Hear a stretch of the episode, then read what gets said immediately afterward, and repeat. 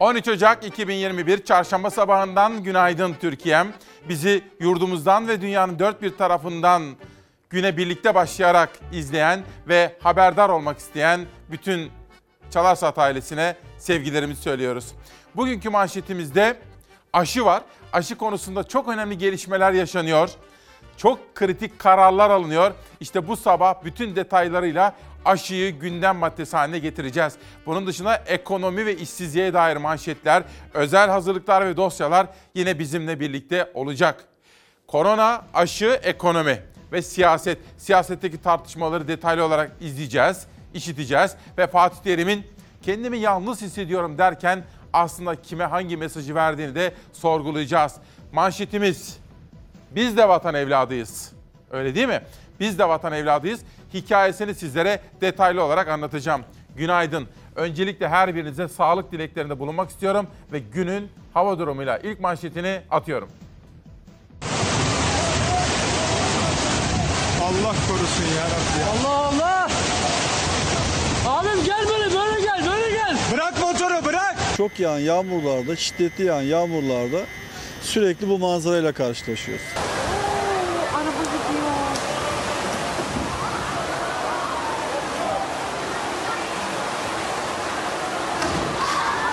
Allah kahretmesin. Sağanak yağış sel olup aktı, cadde ve sokaklarda debisi yüksek nehirler oluştu. Motosiklet ve arabalar teneke kutular gibi sürüklendi sel sularında. Bir kişi alt geçit suyla dolduğu için tren yolundan karşıya geçmeye kalkınca trenin altında kaldı. İzmir'de akşam saatlerinde başlayan kuvvetli sağanak yağış hayatı felç etti. Başta Buca ve Karabağlar olmak üzere şehrin birçok ilçesinde yağmur suyu sele dönüştü. Alt geçitler suyla doldu. Trafikteki araçlar kuvvetle akan selin ortasında kaldı. Pek çok ilçede evlerin giriş ve bodrum katlarını su bastı. Buca ilçesinde Abdülkadir Balkan sağanak sırasında tren yolundan karşıya geçmeye çalışırken canından oldu. 22 yaşındaki Balkan'ın alt geçit suyla dolduğu için mecburen tren yolunu kullandığı öne sürüldü. Yağmurda sürüklenen bir motosikletli de ölümle burun buruna geldi. Ayağın sıkıştı mı? Adamın ayağı motorun altında kaldı. Ayağı motosiklete sıkıştığı için sürüklenen motosiklet sürücüsü bir başka vatandaşın yardımıyla kurtuldu. Motosikleti ise selde sürüklenmeye devam etti. Sürüklenen motosikletler, arabalar ve çöp konteynerleri tehlike saçtı. Motosiklet üzerinde sele yakalanan bir başka kurye de vatandaşların yardımıyla kurtarıldı. Buca ve Karabağlar semtlerinde pek çok caddede manzara aynıydı. Suyun şiddetiyle park halindeki arabalar sürüklenerek birbirine çarptı. Birbirine çarparak durabilen araçlar hurda yığınlarına döndü. Buca tarafından akan suyun Yeşildere'ye bağlanamadığını söyledi mahalle sakinleri. Sık sık aynı manzarayla karşılaşılmasının sebebi ise çok açıktı. Bölgenin dere yatağı olması. Buranın size nesini anlatayım ben? 40 yıldır buranın sakiniyim ben. Burası eski dere yatağı. Mahalle sakinlerinden Muhsin Cenger'in söyledikleri yaşananları özetler nitelikteydi. Su aktı ama yolunu bulamadı. Gelişmeler Antalya'dan geçmiş olsun diyorum. Edirne, Trakya geçmiş olsun diyorum. İzmir'den ve Türkiye'nin dört bir tarafından gelen mesajlar var. Ezgi Gözeger takip ediyor. Her bir gelişmeyi sizlere yerinden aktarmaya gayret edeceğim. Bir de hava durumunun dışında tereyağı fiyatları neden uçuşa geçti? Bunları da sorup sorgulayacağım. Biz de vatan evladıyız diyoruz ya. Gökmen Tatlıcı nedir derdi bilmiyorum. Vatandaşın derdine çare olun diye yazmış. Cem Özer, turizm sektörünün bel kemiği seyahat acentaları çok zor durumda diyor.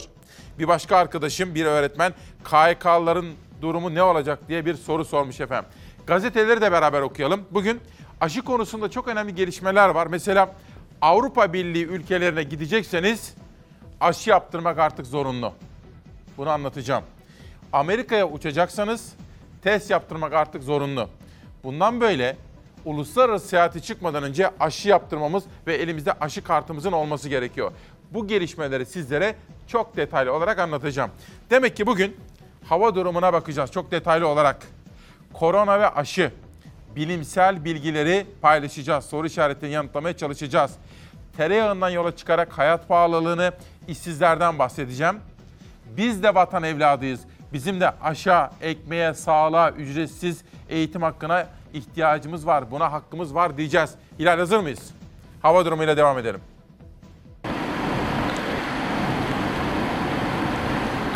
Sel, su baskını ve taşkınlar şehri su altında bıraktı. Yağışlar caddelerde çağlayanlar oluşturdu. Ege bölgesini su altında bırakan yağışlar bugün iç kesimlere doğru ilerliyor. Akdeniz ve Karadeniz'de dahil tüm iç kesimlerde bugün kuvvetli sağanak bekleniyor. Ege bölgesini teslim alan İzmir'de ciddi kayıplara yol olan şiddetli sağanak bölgeyi terk etti. Sabah erken saatlerde yalnızca İç Ege'de yağış devam edecek. Marmara bölgesinde yağışlar sabah saatleri itibariyle hafifleyecek. Kuvvetli sağanak bırakmasından korkulan yağmur Marmara'yı da terk ediyor. Bu sabah Batı Karadeniz, İç Anadolu bölgesi ve Akdeniz'in batısında kuvvetli sağanak yağmur var. Öğle saatleri civarında başkent Ankara'da da kuvvetli sağanak geçişleri görülebilir. Sabah erken saatlerde Bilecik, Eskişehir, Muğla'nın kıyı kesimleri ve Antalya'da kuvvetli sağanaklar gök gürültüsü ve şimşekle birlikte gelecek.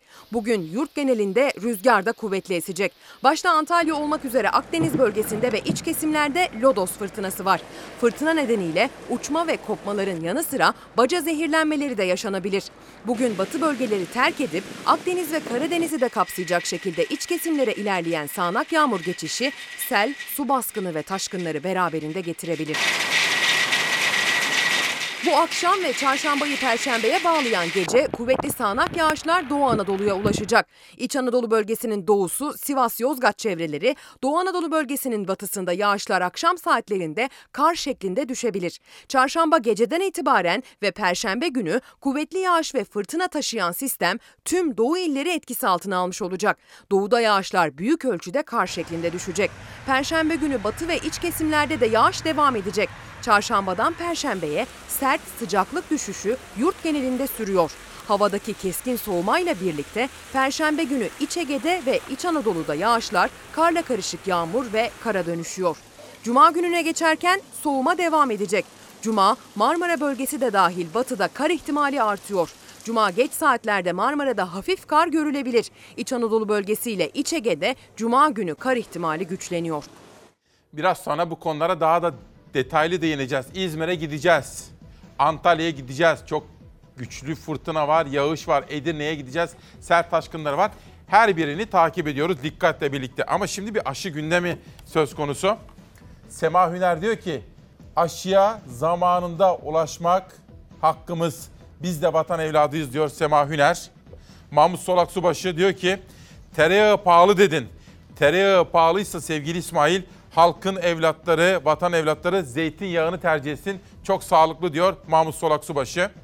Gi- Giresun Espiye'den yetkin kahraman, Adıyaman'dan Kazım Karagöz de sel altındaki vatandaşlarımıza geçmişler olsun diyor. Gazetelere başlıyorum. Hürriyet. İşte aşı sıralaması. Meltem Özgenç'in haberi. Türkiye'de kitlesel aşılama yarın veya cuma günü başlayacak. Sağlıkçılarla başlayacak aşılama 4 sıra halinde uygulanacak. 1. Türkiye'de şu an Çin'den getirilen 3 milyon doz aşı var. İlk olarak 1 milyon 119 bin 886 sağlıkçı aşılanacak. 28 gün sonra sağlıkçılara ikinci doz yapılacak. Şimdi bakın şöyle düşünün. 3 milyon doz geldi ya bizde. Bir kere geç kaldık. Onu söyleyeyim. 2. Yetersiz. Şimdi 3 milyon doz geldi. Sağlıkçı sayısı 1 milyon 119 bin. Neredeyse yarısı gitti. Birinci doz. İkinci sırada sayıları 380 bini bulan 65 yaş üstü kronik hastalar yer alacak. Ki bunlarla ilgili tartışmaları grip aşısından hatırlayacaksınız. Çin'den sipariş edilen 47 milyon dozun gelmesiyle aşılama genişleyerek devam edilecek. Peki ama ne zaman gelecek? Arkadaş 84 milyonluk nüfusu bir ülkede 3 milyon doz geldi. Geri kalan 47 milyon nerede? Ayrıca bu Almanya'dan getirilecek veya diğer ülkelerden neden sipariş edilmiyor bu aşılar nerede diye bir sormamız gerekiyor. Günün sorusunu soracağım. Günaydın.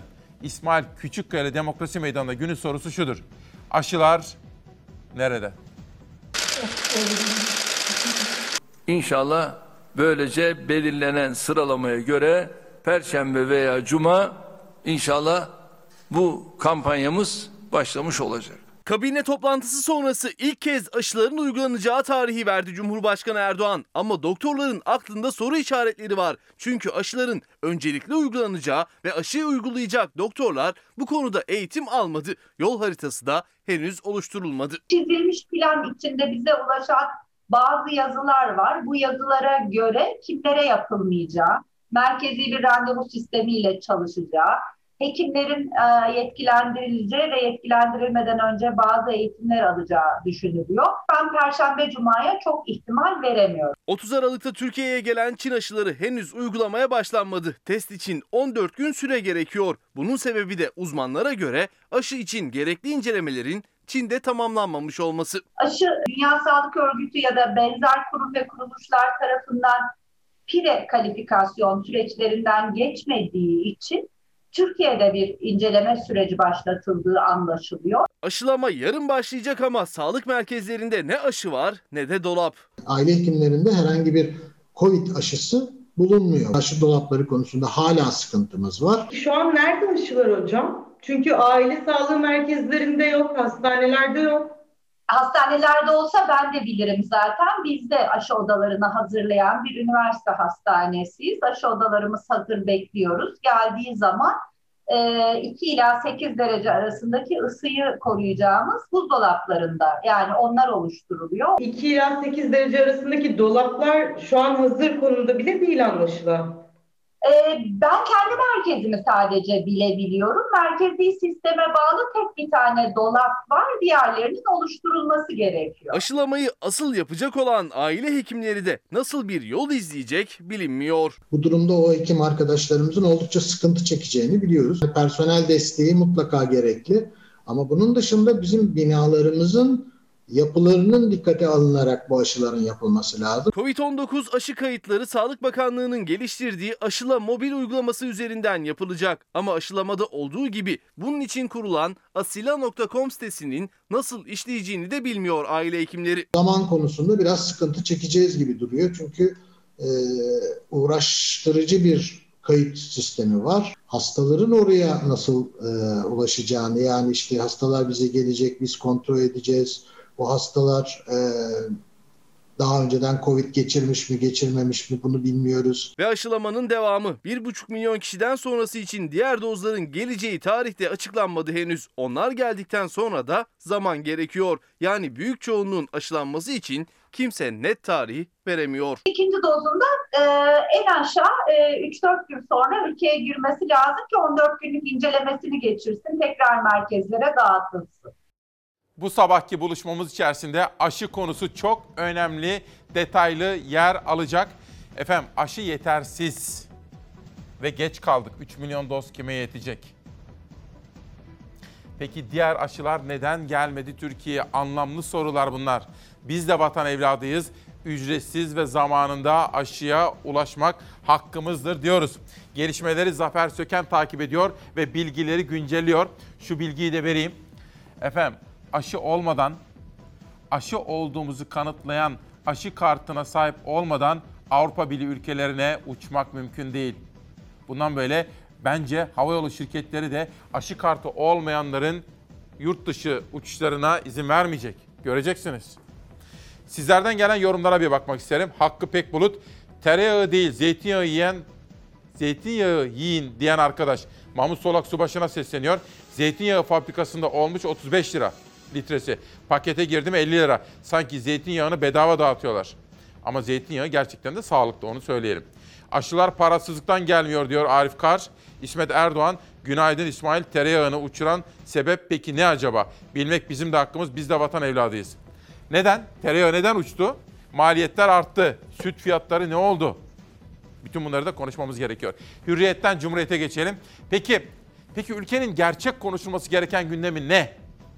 Boş tartışmalarla vatandaşı oyalamak, televizyonlarda aynı kadrolar tarafından aynı teranelerin çalınması. Ama öte yandan konuşulmaya bekleyen sorunlar neler acaba diye ben sizlere bir soru soracağım. İşte Cumhuriyet'ten manşet. Muhalefet liderleri sözde gündemle gerçek sorunları perdeleyen Cumhurbaşkanı'na seslendi. Açlığı konuşalım. CHP lideri Kılıçdaroğlu Erdoğan'a yönelik eleştirilerini sıraladı. İktidar Türkiye gerçeğinden koptu. Yapay gündem yaratacağına çöpten yiyecek toplayanlara kafa yor. Açlığı yaratan sensin. O nedenle sözde Cumhurbaşkanı diyorum. Yeminine sadık kalmadın. Egemen güçlerin karşısında diz çöktün. Türkiye'nin şanını ve şerefini yok ettin. İstanbul'da esnaf ziyareti yapan İyi Parti lideri Meral Akşener, Erdoğan'ın sözde Cumhurbaşkanı gündemini kabul etmediklerini belirterek Erdoğan herkesin Cumhurbaşkanı olamadı. Bir saniye Cumhurbaşkanı ol, bu gündem esnafın derdine çare üretmiyor. Israrla bu tavrı, bu dili reddedeceğiz ki sizleri konuşabilelim dedi. Bugün Demokrasi Meydanı'nda konuklarım olacak. Konuklarımdan bir tanesi esnafa ilişkin destek paketi. Ticaret Bakanlığı ile ortak bir proje geliştirmişlerdi. Kıymetli bir isim gelecek. Esnafın bu zor dönemde nasıl ayakta kalıp nasıl desteklenmesi gerektiğini konuşacağız. Ve ben yönetmenim Hilal'den The Guardian gazetesini ekranlara getirmesini rica edeceğim. O gelene kadar ben de sizlere günün medya notlarını aktarayım. Bugün hani Cumhurbaşkanı tarafsızlığı konusu vardı ya. Emin Çöleşan Sözcü gazetesindeki yazısında Cumhurbaşkanının ettiği tarafsızlık yeminini hatırlatıyor. O maddeyi yazmış ve Cumhurbaşkanının tarafsız olup olmadığını sorgulatıyor. Cumhurbaşkanı tarafsız mı diye bir soru soruyoruz. Çünkü AK Parti lideri de olduğu için tarafsızlığını koruyabilir mi şeklinde bir soru gündeme geliyor. Dönüyorum Hürriyet'e Sözcü'den. Hürriyet'te Nedim Şener ısrarlı bir şekilde rahmetli Muhsin Yazıcıoğlu cinayetinin helikopter kazası mı yoksa suikast mı? Bunun peşine takılıyor ve oradaki ısrarını sürdürüyor. FETÖ konusunda soru işaretlerini aralıyor Hürriyet'teki yazısında bu sabah Nedim Şener. Geçiyorum Habertürk'e. Ciner grubunun internet sitesinde Serdar Turgut, Türkiye-Amerika Birleşik Devletleri ilişkisini sorguluyor. Joe Biden'ın göreve getirmek üzere olduğu, getirdiği önemli isimler üzerinden bir analiz yazıyor. Kendisi de uzun yıllar Amerika'da yaşayan Serdar Turgut. Medya notlarına detaylı olarak bakacağız bu sabah. The Guardian. Fotoğrafa lütfen dikkatle bakınız. The Guardian gazetesi şu soruyu soruyor. Ücretsiz okul yemeği. Peki bu 5 güne yeter mi diye bir soru soruyor ve hükümetin politikalarını eleştiriyor. Bir çocuğa 5 öğlen bu gördükleriniz yeter mi diye soru soruyor. Hemen yanında çok yine dramatik bir manşet, özel bir haber yapmışlar. Ve burada da Deniz Kampel ve Robert Bot imzalı bir haber. İngiltere'de artık hastanelerde yatacak yer yok. Sadece yoğun bakımda değil, hastaneler doldu doldu taşıyor ve hastalar hastanelerden otellere gönderiliyor efendim bakın. İşte dünya çok ciddi bir krizle karşı karşıya. Almanya kısıtlamaları uzattı. İtalya, İngiltere her bir ülkeden bu konuda haberler ve detaylar var. Sıradaki manşeti de Beyza Gözeyik hazırladı. İngiltere'de salgının başından bu yana görülen en yüksek can kaybı yaşandı. 24 saatte 1243 kişi hayatını kaybetti. Almanya'da vaka sayılarındaki hızlı artış ek tedbirleri beraberinde getirdi. Bavyera eyaletinde FFP2 koruma sınıfı solunum maskeleri zorunlu hale getirildi. Dünya Covid-19 salgınının pençesinde virüsün bulaştığı kişi sayısı 92 milyonu geçti. Salgına karşı tüm umutlar aşıda. Bugüne kadar dünya genelinde 24 milyondan fazla kişi aşı oldu. Avrupa Birliği ise yeniden seyahat serbestisi için aşı pasaportu şartını görüşecek.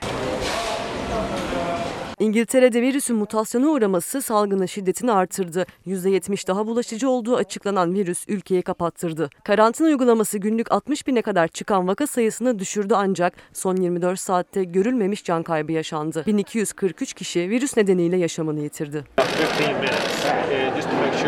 Başbakan Boris Johnson sokağa çıkma yasağına uyulmasını istedi. İnsanlar dışarı çıkmak istediklerinde virüsün yayılmasına yardımcı olacaklarını unutmamalı dedi. They need to, in, when they're out shopping, whether they're buying uh, cups of coffee in the uh, in the park or whatever it happens to be, they need to think about uh, spreading the disease. Almanya'da da mutasyonlu virüs yayılmayı artırdı. Tüm ticari işletmeler kapatıldı. En büyük darbeyi alan Bavyera eyaletinde gece sokağa çıkmak yasaklandı. Vakaların hala yüksek olmasıyla birlikte maskelere de standart getirildi. Bavyera'da FFP2 tipi koruma sınıfı solunum maskeleri takmak zorunlu oldu. Bu tip maskeler havadaki parçacıklara karşı daha iyi koruma sağlamasıyla biliniyor. Yeni mutasyonların ek tedbirler aldırttığı bir ülkede virüsün merkez üssü Amerika Birleşik Devletleri oldu. Hastalık Kontrol ve Önleme Merkezi 26 Ocak itibariyle ülkeye hava yoluyla gireceklerden test isteyecek. Dünya Sağlık Örgütü'ndense endişelendiren açıklama geldi. Örgüt yoksul ülkelerin aşıya ulaşmakta sıkıntı yaşadığını açıkladı. Bu durumun salgına karşı sürü bağışıklığı kazanılmasını engelleyeceğini belirtti. 2021'de normalleşmenin mümkün görünmediğini vurguladı. Dünya Sağlık Örgütü virüsün uğradığı farklı mutasyonların da sürü bağışıklığına engel olduğunu söyledi. Örgüt bu açıklamayı yaparken virüsün yeni bir mutasyonuna Japonya'da rastlandı. Japon yetkililer ülkeye Brezilya'dan gelen 4 kişide koronavirüsün yeni bir türünün tespit edildiğini belirtti. Virüsün ne kadar bulaşıcı olduğu ya da aşıların bu türe karşı etkili olup olmadığıysa şimdilik soru işareti.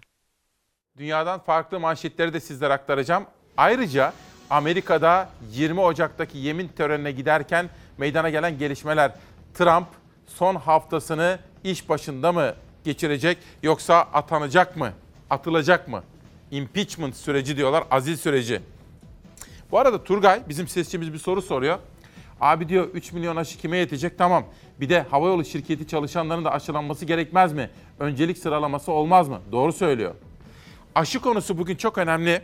Bu sabah İsmail Küçükkaya Demokrasi Meydanı'nda çok detaylı olarak konuşma imkanı bulacağım. Gelin 3 mesaj. 1. Emrah Altındiş, Emrah hocamız.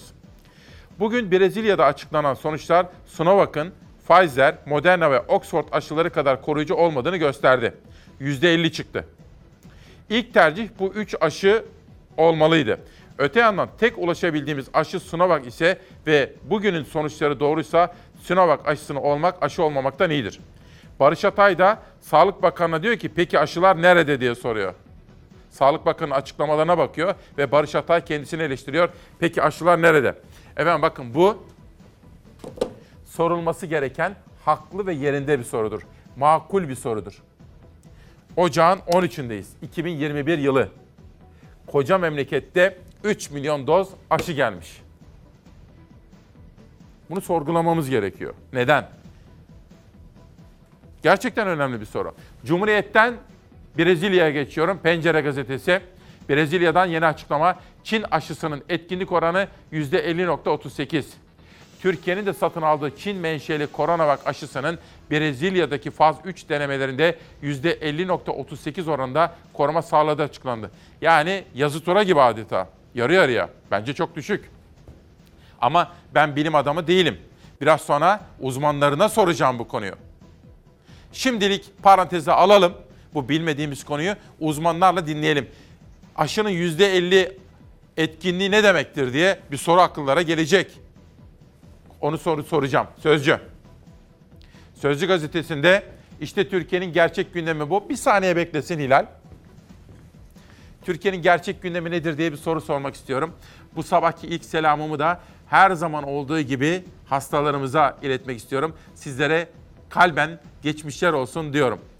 Sıradaki haber önemli bir haber. Esasında dün hazırlamıştık. Erdemli söz vermiştim. Bu haberi de dikkatle takip etmenizi istirham edeceğim. Alata, Türk tarımının gelişmesi, Türk çiftçisinin desteklenmesi noktasında çok önemli bir konuma sahip. Tarımsal araştırmalar yapılan enstitünün sadece kıyısı hassas koruma alanı ilan edildi. Denize kıyısı olmayan kısımsa eski haliyle bırakıldı. Bölge halkını rant endişesi sardı. Bu arazinin imara açılarak rantçılar tarafından talan edilmesine asla müsaade etmeyeceğiz, asla izin vermeyeceğiz. Burası Alata Bahçe Kültürlerini Araştırma Enstitüsü. 1944 yılından bu yana çiftçilere eğitim veren, tarımsal araştırma ve geliştirme çalışmaları yapılan adeta bir tarımsal açık hava laboratuvarı. Mersin Erdemli'deki enstitünün denize kıyısı olan 82 dekarlık kumsalı kesin korunması gereken hassas alan ilan edildi. Ancak enstitü arazisinin tamamı 2700 dekar. Bölge halkı arazinin tamamının aynı hassasiyetle korunmasını istiyor. 82 dekar alan kesin korunacak hassas alan olarak ilan edildi. Geride kalan arazinin de 2700 dekarın tamamının nitelikli doğal koruma alanı olarak kalmasını arzu ediyoruz.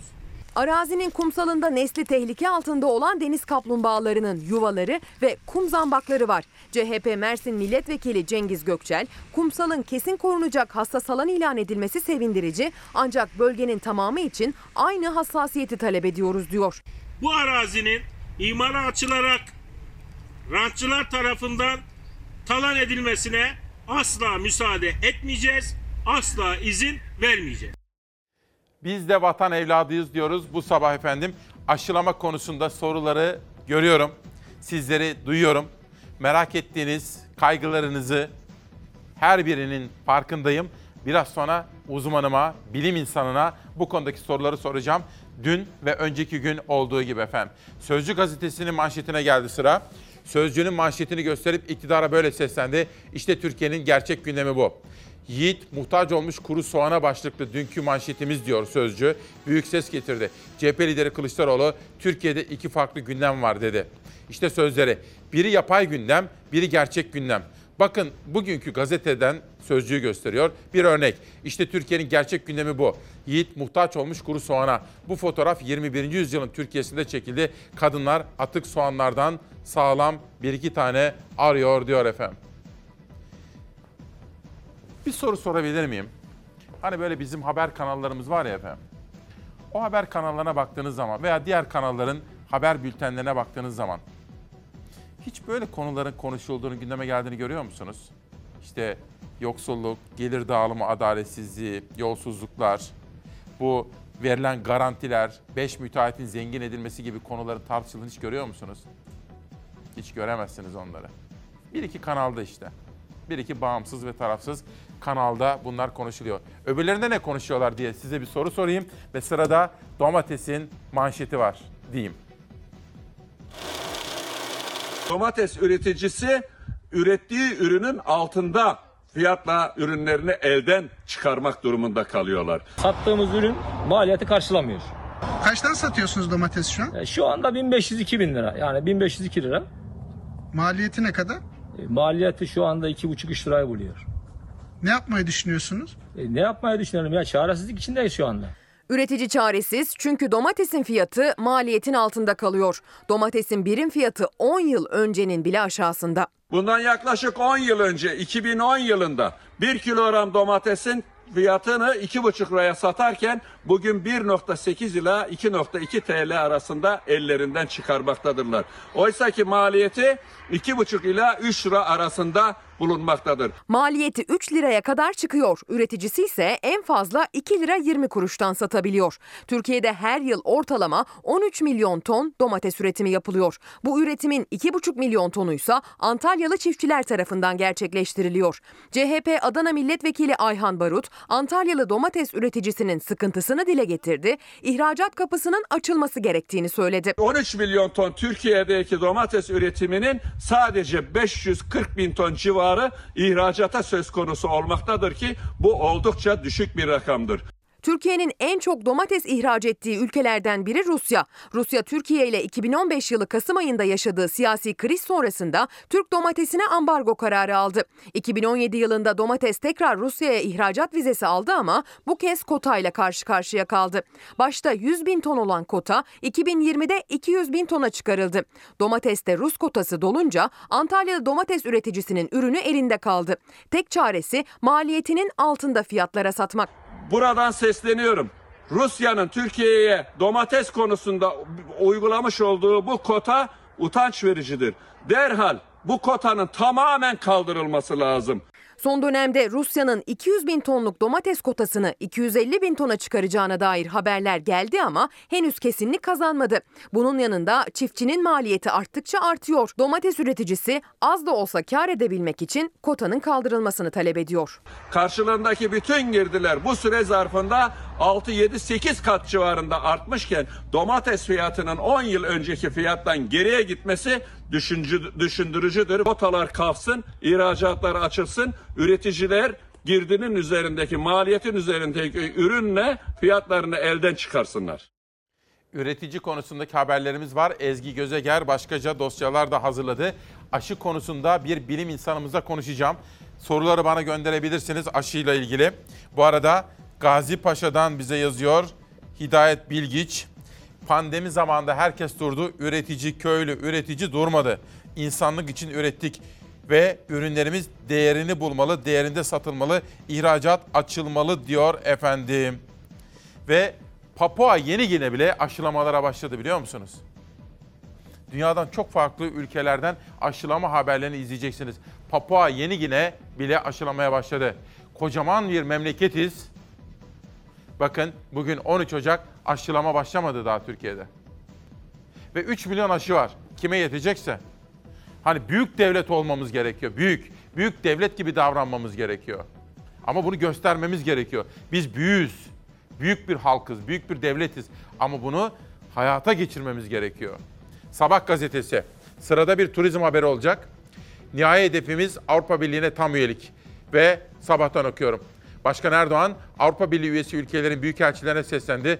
Onca haksızlığa rağmen Avrupa Birliği'ne tam üyelikten hiçbir zaman vazgeçmedik dedi. Ben ekip arkadaşlarımdan Zafer Söken'e rica ettim. Son zamanlarda Erdoğan'ın Avrupa ile yaptığı temaslar, ziyaretler, telefon görüşmeleri, Avrupa konusundaki açıklamaları, Adalet Bakanı'nın da Abdülhamit Gül'ün hukuk reformu konusundaki sözlerinden oluşan bir dosya manşeti hazırlıyoruz. Bu konuyu yorumlamak istiyorum bu sabah. Çok önemsediğim bir konudur. Türkiye'nin yeri neresidir? Avrupa Birliği'dir, Avrupa'dır diyor ve bir sonraki manşete geçiyorum. Yine sabahtayım. Türkiye'nin göz bebeğinde casus avı. Türkiye'nin en stratejik kurumu Savunma Sanayi Başkanlığı'nın sırlarını para karşılığı yabancılara sızdıran 6 kişi gözaltında. Halit Turan ve Dilhan Dumanoğlu'nun manşeti bu. Bu konunun arkasında Milli İstihbarat Teşkilatı var efendim. Milli İstihbarat Teşkilatı ulusal güvenlik riski açısından bu konuyu dikkatle takip etmiş ve gelişmeleri irdelemiş ve yakalamış casuslukla ilgili bu gelişme son derece önemli. Biz de takip listemize aldık diyorum. Nereye gidiyoruz bakalım? Ha, turizmle ilgili haberimize sıra geldi. Pandemi zamanında en büyük zorluğu yaşayanlardan biri de kesim olarak turizmciler ve turizmciler esnaf olarak, girişimciler olarak ve ayrıca turizm emekçileri olarak da zor günler yaşıyorlar. Biz bir V çıkışla %100'lük bir büyümeyle 31 milyonluk turist sayısını geçeceğimizi, gelirde de 23,5 milyar dolara geçeceğimizi umuyoruz. Turizmde 2021'in hedefini bu sözlerle duyurdu Kültür ve Turizm Bakanı Mehmet Nur Ersoy. Pandemiyle geçen 2020'den sonra yeni yıl için umutlu konuştu. Yaz sezonu açılışı için de tedbiri elden bırakmadan tarih verdi. Nisan ayında sezona merhaba deriz dedi. Biz Mart ayında 2000'li rakamların altına ineriz. E, Nisan ayında da aşılamanın da etkisiyle birlikte 1000'li rakamlara ineriz diye hedefliyoruz. O yüzden Nisan ayı itibariyle biz sezonun Türkiye'de açılacağını düşünüyoruz. Resim ve Heykel Müzesi'nde medya temsilcileriyle bir araya geldi Bakan Ersoy. 2020 değerlendirmesi yaptı, 2021'in beklentilerini duyurdu. Türkiye'nin salgın şartlarına rağmen geçen yıl turizm sezonunu rakip ülkelere göre iyi bir performansla kapattığının altını çizdi. Sadece turizm yoktu gündemde. 3000 lira müzisyenlere destek veriliyor. Ocak, Şubat ve Mart aylarında ödenmek kaydı ile. Başvurular da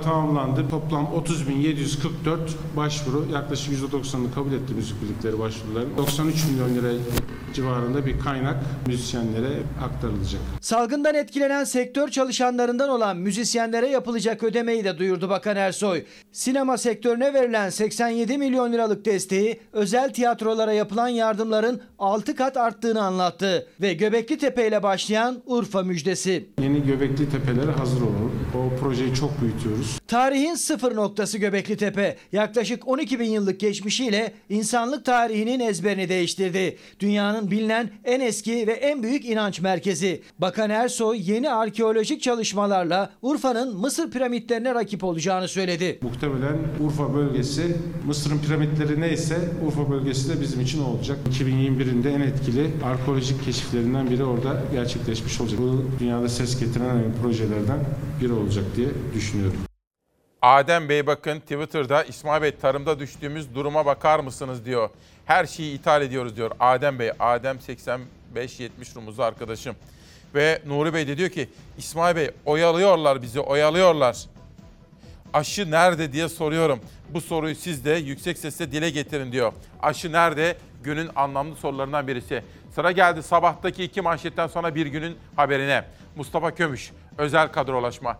Belediyelerin özel kalem müdürlükleri torpilin merkezi.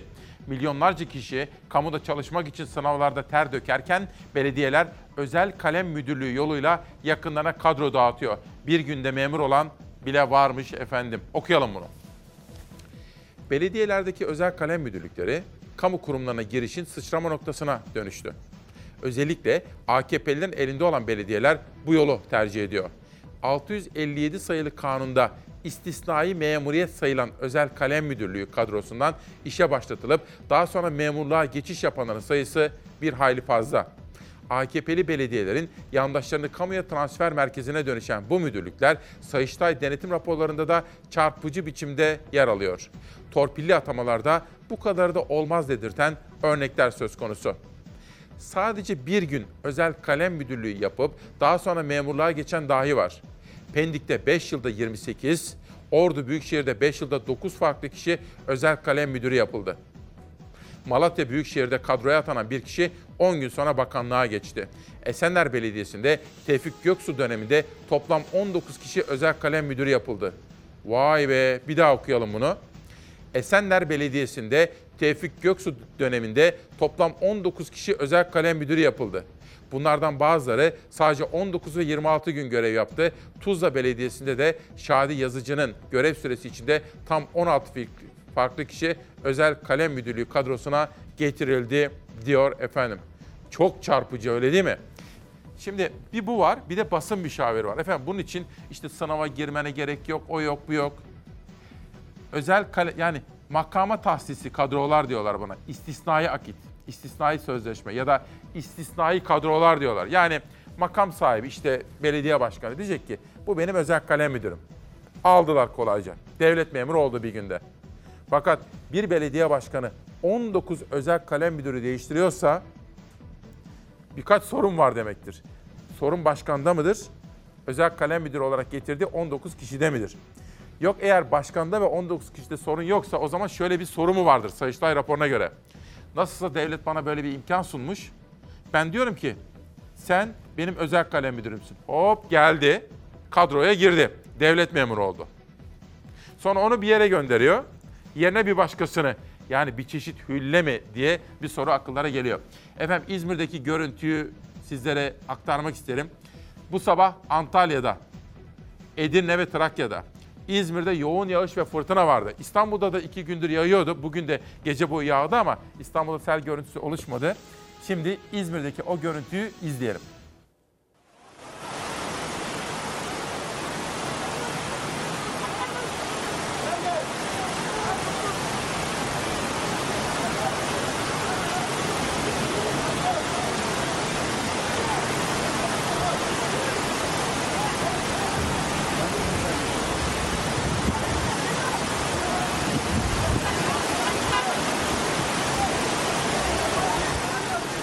Evet, yoğun yağıştan sonra meydana gelen görüntüler, bu görüntüler İzmir'den geldi efendim. Bakın bir kadının selde kurtarılma anları bu sabah temel gündem maddelerimizden birisiydi. Hatta sabah 8'de verdim. Pandemi zamanındayız. Herkes yazdıklarında varsa yazdığı olanlar. Okullarda kapalı olduğu için geç kalkıyorlar. Sabah verdiğimiz haberi bir kere daha verelim şimdi. Çok yoğun sorular geliyor. Evet, hava durumu haberini bir daha verebilir miyiz Hilal? İnsanlar yeni yeni uyanıyorlar. Günaydın Türkiye ve İzmir'e, Antalya'ya, Trakya'ya, Edirne'ye geçmiş olsun.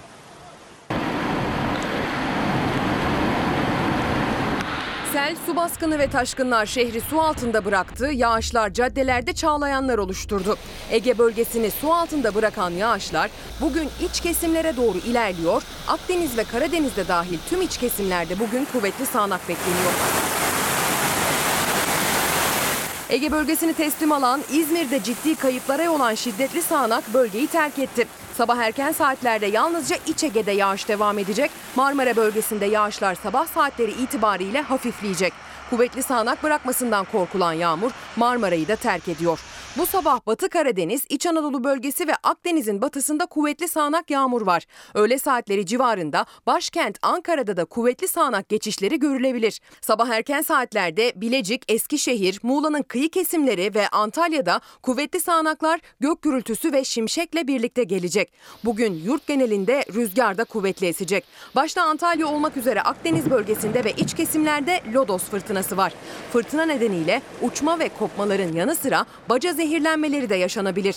Bugün batı bölgeleri terk edip Akdeniz ve Karadeniz'i de kapsayacak şekilde iç kesimlere ilerleyen sağanak yağmur geçişi sel, su baskını ve taşkınları beraberinde getirebilir. Bu akşam ve çarşambayı perşembeye bağlayan gece kuvvetli sağanak yağışlar Doğu Anadolu'ya ulaşacak. İç Anadolu bölgesinin doğusu Sivas-Yozgat çevreleri, Doğu Anadolu bölgesinin batısında yağışlar akşam saatlerinde kar şeklinde düşebilir. Çarşamba geceden itibaren ve perşembe günü kuvvetli yağış ve fırtına taşıyan sistem tüm doğu illeri etkisi altına almış olacak. Doğuda yağışlar büyük ölçüde kar şeklinde düşecek. Perşembe günü batı ve iç kesimlerde de yağış devam edecek. Çarşambadan perşembeye sert sıcaklık düşüşü yurt genelinde sürüyor. Havadaki keskin soğumayla birlikte perşembe günü İç Ege'de ve İç Anadolu'da yağışlar karla karışık yağmur ve kara dönüşüyor. Cuma gününe geçerken soğuma devam edecek. Cuma Marmara bölgesi de dahil batıda kar ihtimali artıyor. Cuma geç saatlerde Marmara'da hafif kar görülebilir. İç Anadolu bölgesiyle İç Ege'de Cuma günü kar ihtimali güçleniyor. İşte bakın hava durumu ile ilgili detayları sizlere anlatmayı sürdüreceğim. Vedat Bayram biraz evvel hani sizlere bir haber sunmuştum. Özel kalem müdürlüğü üzerinden devlet memurluğuna atlanıyordu ya. Vedat Bayram milletvekili de yapmış, üst düzey bürokratlık da yapmış bir isim. Sevgili İsmail Bey, devlet memurluğu için müracaat edip de devlet memuru olamayan biri bu örnekleri gösterip mahkemeye müracaat etse anayasanın eşitlik kuralına aykırılıktan dava açsa kazanır diyor. Çok çarpıcı bir örnek bizimle birlikte. Efendim bugün biraz sonra hava durumu ile ilgili detaylara bakacağım. İzmir, Antalya ve Trakya başta olmak üzere. İstanbul'da yağan yağıştan sonra barajlardan iyi haberler geliyor mu? Ona ilişkin haberler var. Esnafımızın bu zorlu dönemde nasıl rahat bir nefes alacağına dair bir haberim, bir dosyam ve bir konuğum olacak. Geçtiğimiz günlerde Ticaret Bakanlığı ile ortak bir proje geliştirdiler. Oradaki kişiyi, ismini söylemeyeceğim, davet ettim. Demokrasi meydana geliyor. Esnafımıza hangi destekler açıklandı ve açıklanacak bunlara detaylı olarak bakacağım. Bunun dışında aşılama konusunda sabah bir bilim insanımızla haberleştik. Aşı konusunda önemli gelişmeler var. Soru işaretleri söz konusu. Kaygılarımız da var. Aşı olmak istiyoruz. Bir an evvel büyüklerimizi ve kendimizi aşılatmak istiyoruz efendim. Bütün bunlara bakacağım. Ben bir sade kahve içip gelişmeleri şöyle bir gözden geçireceğim. O arada sizlerden gelen mesajlara bir bakacağım ve günün ilk kitap tanıtımını yapalım. Ateşteki Yara, Hasan Okay, Aydeli Sanat Derneği yayınları ve İzmit Lisesi Edebiyat Öğretmeni Hasan Okay'a çok teşekkür ediyorum hocama. Efendim benim için sade kahve zamanı biraz sonra görüşeceğiz. Günaydın efendim, hoş geldiniz. 13 Ocak 2021 günlerden çarşamba İsmail Küçükkaya ile Hakikat Yolculuğundasınız. Aşı konusuna bakacağım bir bilim insanıyla biraz sonra buluşturacağım sizleri. Aşı konusunda merak ettikleriniz aşı nerede? Neden sadece 3 milyon aşı var şeklindeki sorular. Bunun dışında geçtiğimiz günlerde Ticaret Bakanı Ruslar Pekcan'la bir araya gelen esnafı desteklemek üzere bazı projeler üzerinde çalışan Mehmet Ketoğlu biraz sonra bizimle birlikte olacak. Esnafımızı nasıl desteklememiz gerektiğine bakacağız. Edirne'den Antalya'ya, İzmir'den Sivas'a kadar memleketin hava durumu haberleri ve İzmir'den canlı bağlantılarım olacak. Biz de vatan evladıyız diyorum ve gazetelere devam ediyorum. Ve Bir Gün Gazetesi'nden yeni bir haberle karşınızdayız. Show bitsin, aşı başlasın diyor gazetenin editörleri. Magazin konusu olduğu aşı diyor. Sağlıkçılar aşı beklerken televizyon yıldızları önceliği kaptı. Birçok ünlü isim canlı yayınlarda poz vererek aşı oluyor. Bütün bu gelişmeleri de eleştirel bir bakış açısıyla ele alan ve okuyucularıyla paylaşan Bir Gün Gazetesi editörleri diyor ki aşı konusunda şov bitsin, aşılama başlasın. İşte en güncel bilgilerin yer aldığı dünden bugüne yansıyan korona ile mücadelenin günlük bilançosu. Uzun bir aradan sonra günlük hasta sayımız binin altına indi. Ağır hasta sayımız da azalmaya devam ediyor. Ağır hasta sayısı da vaka sayısı da düşüşe geçti ancak can kayıplarındaki azalış henüz istenen şekilde düşmüyor. Sadece dün koronavirüs nedeniyle 171 kişi hayatını kaybetti. Toplam can kaybı 23 bini aştı. 12 Ocağı ait koronavirüs tablosunu paylaşırken umutlu konuştu Sağlık Bakanı Fahrettin Koca. Hasta ve ağır hasta sayısının azaldığını belirtti. Aşılamanın başlayacağını hatırlattı. Kısıtlama ve tedbirlere uyma devam ederek aşı uygulamasına geçeceğiz. Birlikte başaracağız. 12 Ocak koronavirüs tablosuna göre dün 179.208 kişiye test yapıldı. 9.809 kişinin test sonucu pozitif çıktı. Can kayıplarında ise beklenen düşüş henüz yaşanmadı. 12 Ocak'ta 171 kişi koronavirüs yüzünden hayatını kaybetti. Toplam can kaybı ise 23.152'ye çıktı. Aşı konusunda biraz sonra bir bilim insanımızla canlı bağlantımız olacak. Sorularınızı bekliyorum. Karar Gazetesi'nin gündeminde ekonomi var. Faiz lobisine çalışıyoruz. Kuru dizginlemek için 130 milyar dolar eriten, rezervi eriten, enflasyona rağmen faizi artırmamakta direten Merkez Bankası şimdi de tabuları yıktı. Yabancı yatırımcı istiyor diye faizi 2 ayda 675 puan artırdı. Türkiye'nin girdiği sarmal yalnızca faiz lobisini memnun etti. Sorun muhalefetin de gündeminde. Kılıçdaroğlu 10 milyon dolar getiren 1 milyon 300 bin dolar kazanıyor. Faiz lobisine çalışıyoruz. Memleketi bir avuç faizcinin eline rehin verdiler dedi. Eleştirilerini bu şekilde yönetti.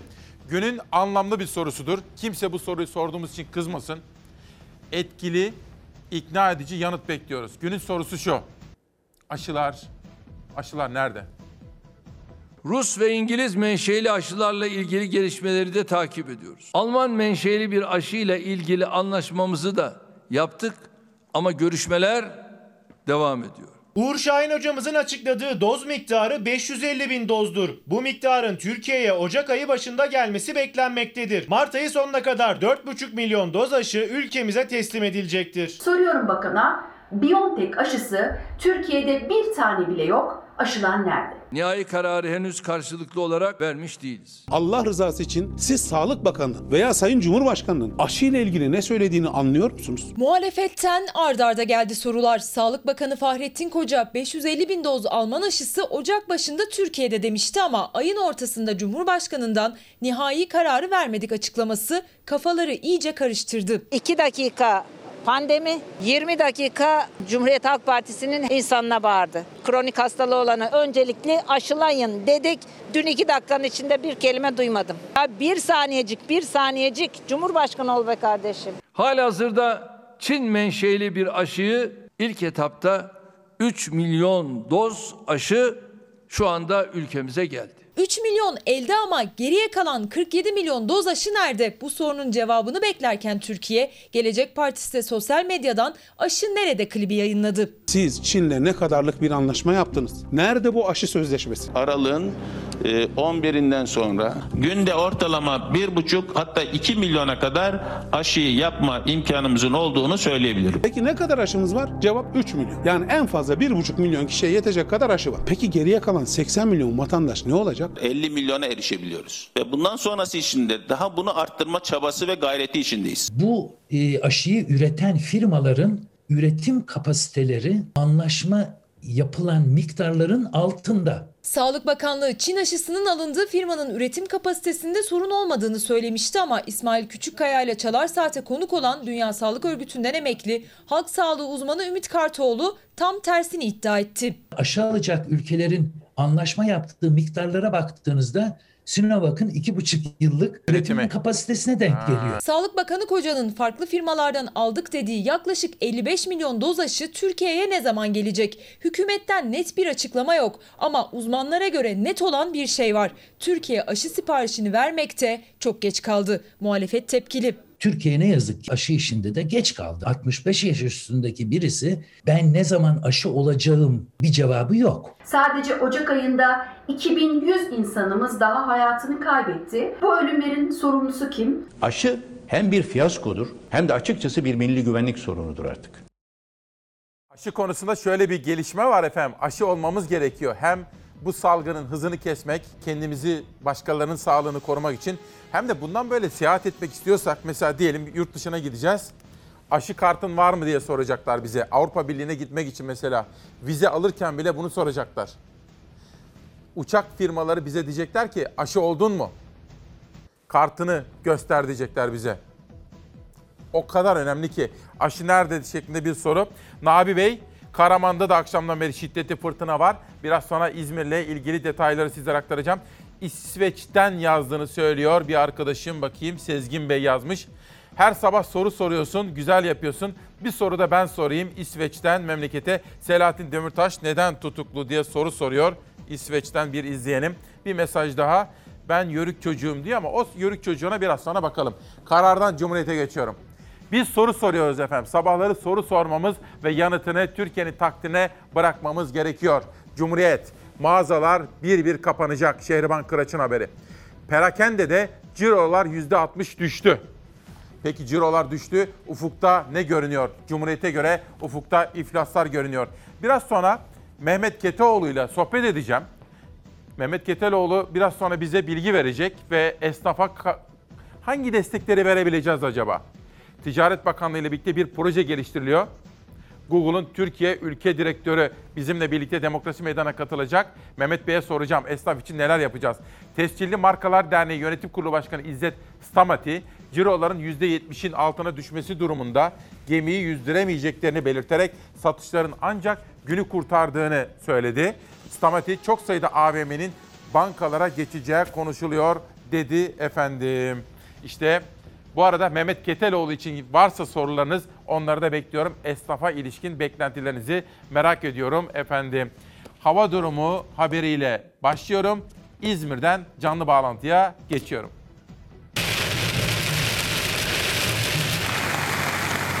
Beklenen yağmur geldi ama batıda pek çok noktada faydadan çok zarara yol açtı. Ege bölgesinde birden düşen aşırı yağışlar sel oldu aktı.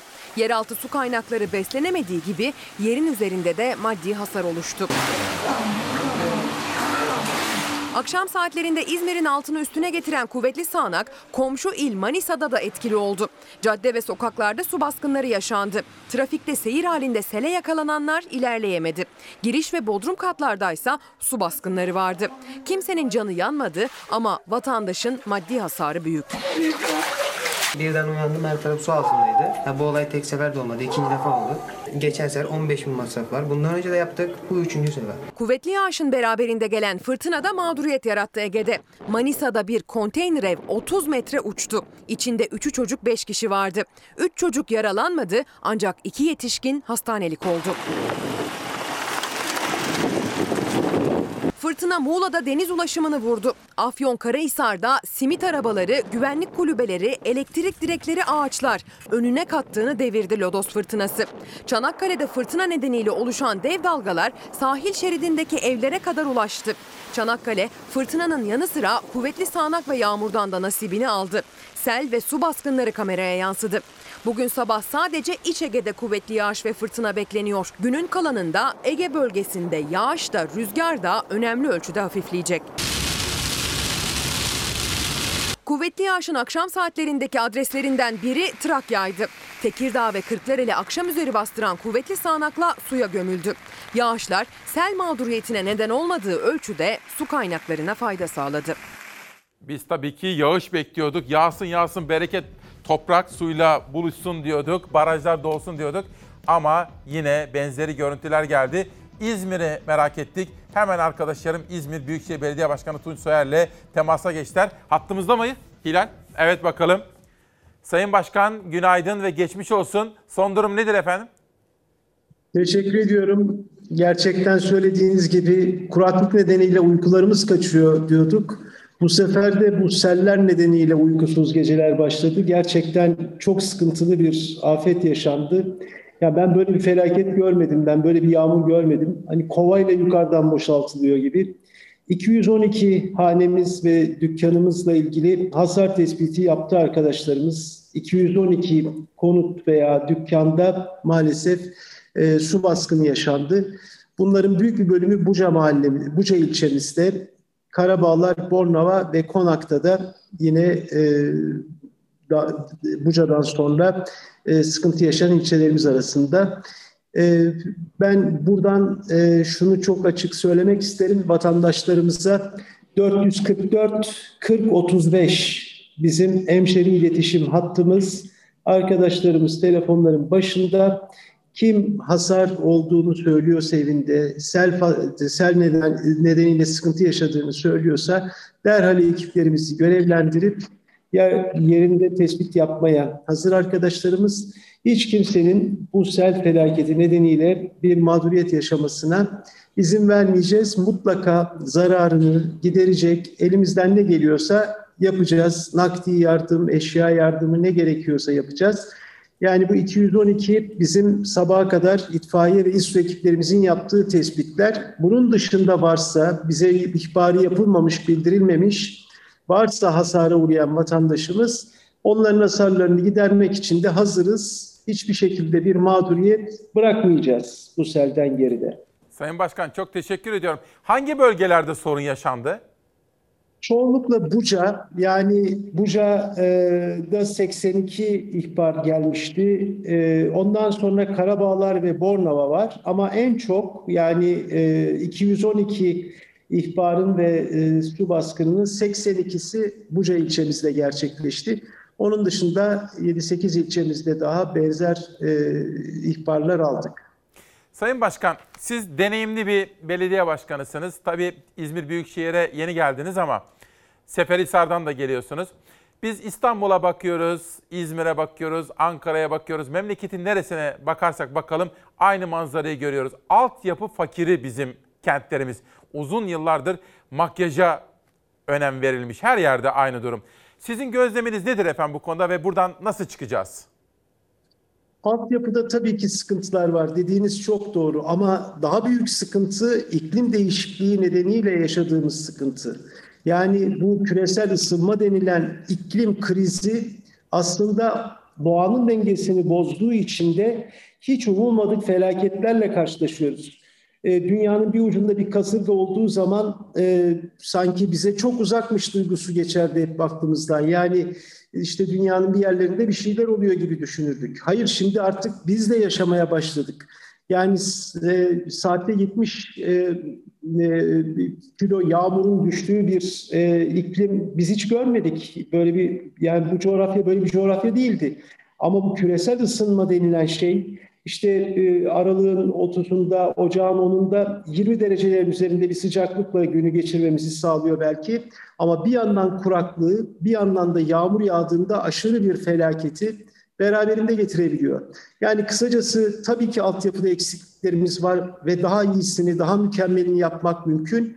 Ama sorun sadece altyapıdan kaynaklanmıyor altyapı eksikliğinden kaynaklanmıyor. Sorunun bir başka yanı da işte bu küresel iklim krizi dediğimiz ve e, küresel ısınmayla başlayan, kuraklıkla tetiklenen, işte bu tür büyük e, felaketlerin yaşanmasına yol açan bir değişiklik. İşte Muğla'dan yine dün görüntüler vardı. Fırtına nedeniyle devrilmiş tırlar, otobüsler, e, minibüsler yani böyle bir görüntüyü biz Türkiye'de hiçbir zaman görmedik. Fırtına nedeniyle bir tırın devrildiğini hiç duymadık.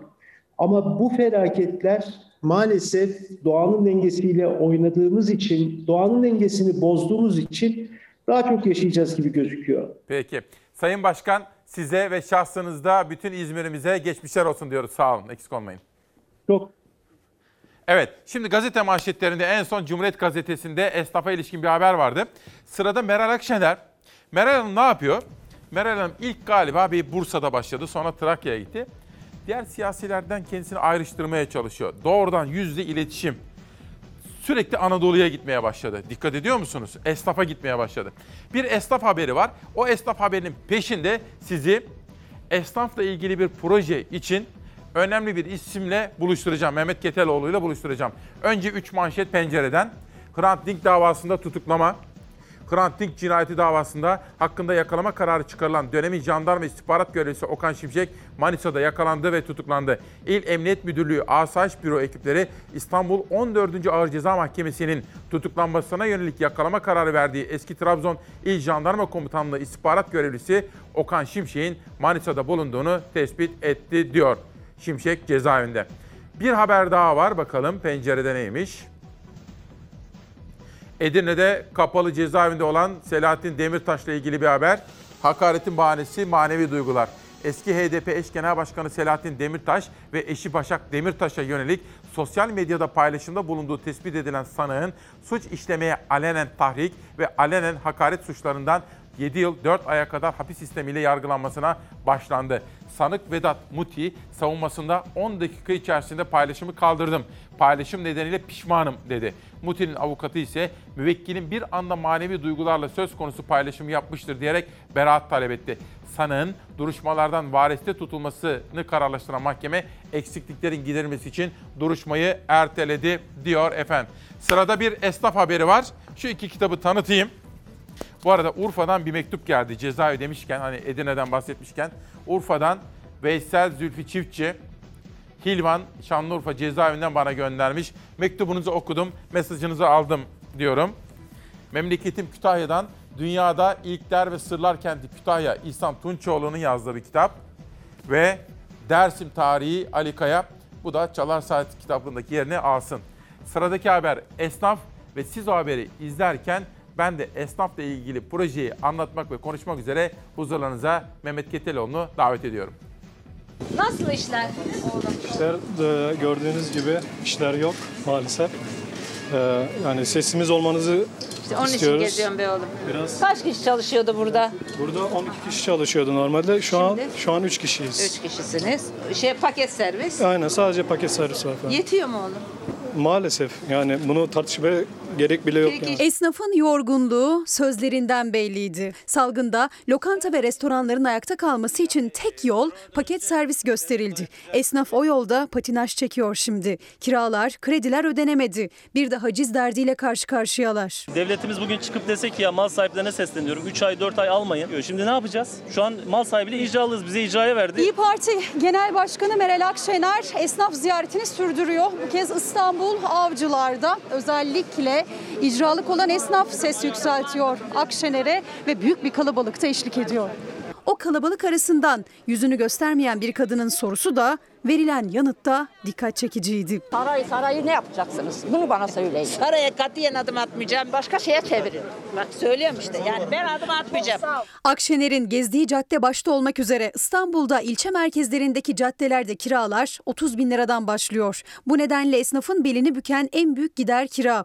Devletin kira yardımı ise derman olmanın yanından bile geçmiyor. Var borçlarımız var tabi. Hazırda biriktirdiğimiz arabayı satıyoruz, evi falan satıyoruz o şekilde işte. Nakitte. Çünkü borcu borçla kapatmanın bir mantığı yok. O Bu şekilde. e, açılan paketlerden bir şey aldınız mı? Aa, 750 lira kira desteği geldi komik bir rakam. Hani kirasını sormayayım. çok komik bir rakam o yüzden. 60 kilo et işliyormuş günde eskiden. Şimdi 15-20 kilo. Yani insanları içeri alamamamız, insanların sokakta iç içe gezmesi, Cadde kalabalık ama o caddedeki restoranlar boştu. Sadece esnaf değil. Akşener'in kuyumcuya sorduğu sorunun yanıtı herkesin zorda olduğunu gösterdi. Ölümlük diye bekle tutulur. Ölümlük. Aşı başlı hanımların 74 basılı şeye getirip paraya çevirip borç ödeyeceğini söylediğini söylüyorlar. Ya burada bunlar var mı? Var, geliyor efendim. Esnaf zorda. Gerçekten zorda. Şu var her akşam televizyon ekranlarına çıkıyorlar ama nedense gündem başka yerlere odaklanıyor. Siftah kovalayan esnafın da kemer sıkan tüketicinin de derdi geçim, gündemi ekonomi. Nasıl müşteri veli nimetse seçmen de veli nimettir. Uzun bir zamandır veli nimet olmaktan çıktınız kardeşim. o ona bunu dedi, bu buna bunu dedi ama size ne oldu kimse bilmiyor. Saatler daha 9.20 olmadı ama 9.19'dan 20'ye doğru gidiyor. Efendim biz çiftçimize ilişkin, işçimize ilişkin haberler gibi esnafımıza ilişkin gelişmeleri de dikkate takip ediyoruz biliyorsunuz. Çünkü görevimiz şu. Bu kadar çok izlenen ve etkili bir mecrada istiyoruz ki sesini duyurması gerekenlerin sesi duyulsun. Sağır sultanlar bile duysun istiyoruz her şeyi. Galiba iki hafta kadar önceydi size Mehmet Keteloğlu'ndan bahsetmiştim. Demiştim ki Google'un Türkiye Ülke Koordinatörü. Ticaret Bakanımızla yarın bir toplantısı var demiştim. Bir cumaydı. Ben perşembeden sizlere anlatmıştım. Esnafın bu pandemi zamanında nasıl desteklenmesi gerektiğini. Çünkü özel bir takım ilgiye ve projelere ihtiyacı vardı. Sonra size bir parça anlatmıştım. ve gelişmeleri takip edeceğime söz vermiştim ve işte sözümü yerine getirdim. Mehmet Keteloğlu yoğun programı arasında Demokrasi Meydanı'na katıldı. Hoş geldiniz. Hoş bulduk. Nasılsınız? Teşekkür, teşekkür ederim. Sizler nasılsınız? Sağ olun. Sizi burada ağırlamaktan çok memnunum. Ben de çok teşekkür ederim. Açıkçası öncelikle iyi yıllar hepimize, herkese ve sağlık. artık önce sağlık. Pandemiyi atlattığımız bir yıl olsun. Mehmet Bey siz şimdi e, küresel çapta teknoloji şirketlerinden birinin Türkiye sorumlusu olarak görev yapıyorsunuz. Aslında esnafı konuşacağım ama çok gündem Evet. bugünlerde.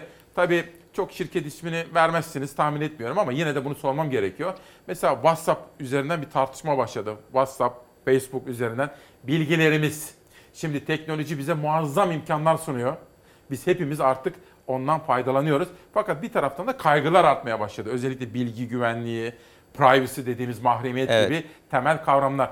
Bu gelişmeleri nasıl değerlendiriyorsunuz? Bu kaygıları anlıyor musunuz? Veya vatandaşımız ne düşünmeli, ne yapmalı? Güzel bir soru.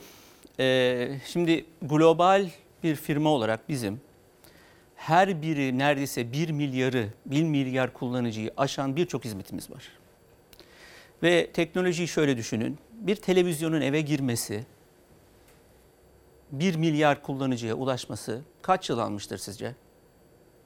40 yıl. Herhalde bir 30-40 yıl. 30-40 yıl alır. Peki bugün bir teknoloji uygulamasının, kullandığınız bir uygulamanın 1 milyar kullanıcıya ulaşması ne kadar alır? Herhalde birkaç ay. Yani ay ya da birkaç yıldan bahsediyoruz. Dolayısıyla kullanıcının güvenini kazanmak her şey. Çok çok önemli. Ve bunun ana unsurlarından biri de veri güvenliği ve gizliliği. E burada teknoloji firmaları olarak bizim özellikle kurulduğumuz günden bu yana tüm hizmetlerimizde önceliklendirdiğimiz konu tüketicinin, kullanıcının kendi veri güvenliği için kontrole sahip olması. İkincisi de seçenekleri olması. Bu kontrol ve seçenek çok çok önemli unsurlar. Örnek vermek gerekirse mesela bir internete girdiniz, Chrome tarayıcı kullanıyorsunuz. Ee, kendimden örnek vereyim. Ben tenise meraklıyım. Belli e-ticaret sitelerine giderim. 2-3 tane de dergiye aboneyim. Şimdi ben bu sitelere girdiğim zaman e, bir kullanıcı olarak her seferinde tekrar tekrar şifremi girmek istemeyebilirim. Veya o e-ticaret sitesi arada sırada bana belli ürünlerle ilgili e, bilgilendirme, promosyon atsın isteyebilirim. Dolayısıyla beni hatırlamasını isterim e, bu tarayıcının. Ve bu seçeneği ayarlar kısmında gidip istediğim siteler için ben tanımlayabilirim. Ya da bu siteler dışında başkalarının da beni takip etmesini veya orada e, e, bana bir önüme, benimle iletişime geçmesini istemeyebilirim. Bunlara mesela aslında kullanıcı dostu diyoruz değil Tabii. mi? User friendly aslında. Aynen. Kullanıcı için hayatı kolaylaştıran unsurlar ama risk olmaması gerekiyor. riski azaltacak, veri güvenliğini ve kontrolünü tamamıyla kullanıcıya veren seçenekler var. Ve bugün artık siz 3 aydan 18 aya kadar verilerinizi e, istersem 3 ay sonra tamamıyla benim geçmişimi sil de diyebiliyorsunuz ve ayarlardan. Veya 18 ay sonra da sil diyebiliyorsunuz. Veya şu siteler beni takip etsin kardeşim ben çünkü bunlara tanınmak istiyorum diyebiliyorsunuz. Onlar benimle iletişime geçsin Ha, de bir dakika. diyebiliyorsunuz. O zaman izleyicilerimiz şunu yapabilirler. Eğer sürekli kullanıyor, girdiği siteler vesaire alışkanlıklar belli oluyor. Ama bunları belli aralıklarla sildirebiliriz. Tabii ki. Hmm. Ve bunu yani bütün kullanıcıların bir kontrolü, iki seçenekleri var. Dolayısıyla bu platformlara girip ayarlar tarafında özellikle Chrome tarafında veya e-mailsa e-mail tarafında. E-mailden başka örnek vereyim. Mesela siz bugün o kadar güvenlik ön safhada ki e, telefonunuzu yenilediniz. E-mailinizi kurdunuz, e-mailinizle ulaşmaya e, tekrar girmeye çalışıyorsunuz. Yeni cihaz olduğu için Tabii tabii öyle biliyorum. direkt olarak sizin o erişiminize ilk önce e, sizden e, bir kod gönderip onu teyit etmenizi istiyor. Yani son derece önemli. Zaten güvenlik. efendim ben bir kere hacklendim. Benim e-mailimi eklediler. Ee, ve sonrasında bir sürü başıma olaylar geldi. Ama ondan sonra gerekli önlemler alındı. İşte şifreleme ile ilgili, işte sizlerin sunduğu o iki adımlı kontrol Tabii. mekanizmaları falan filan. Temsilci atamaları söz konusu bu şirketlerin. Google atadı mı efendim? Ee, Atıcı, ne oldu en son durum? Şimdi YouTube platformu bir sosyal network olarak e, bu e, yeni düzenlemeye tabi olan e, bir platform. Bu platformun ana e, kurulduğu günden beri olan ilkeleri ve değerleri Bir, ifade özgürlüğü. İki, e, bilgi erişimi. E, üçüncüsü de e, buradaki e, tabii ki çok geniş bir e, Kitleye. kitleye e, biz hizmet veriyoruz. E, bunun içerisinde creator'lar var. Yani içerik Yaratıcılar, üreticiler var, içerik yaratıcılar üreticiler. var, kullanıcılar var. E, bunların bütün o ifade özgürlüğü kapsamında da e, ve e, tabii ki kendi e, e, olabildiğince zenginliğini koruyabilmek platformun değeri burada.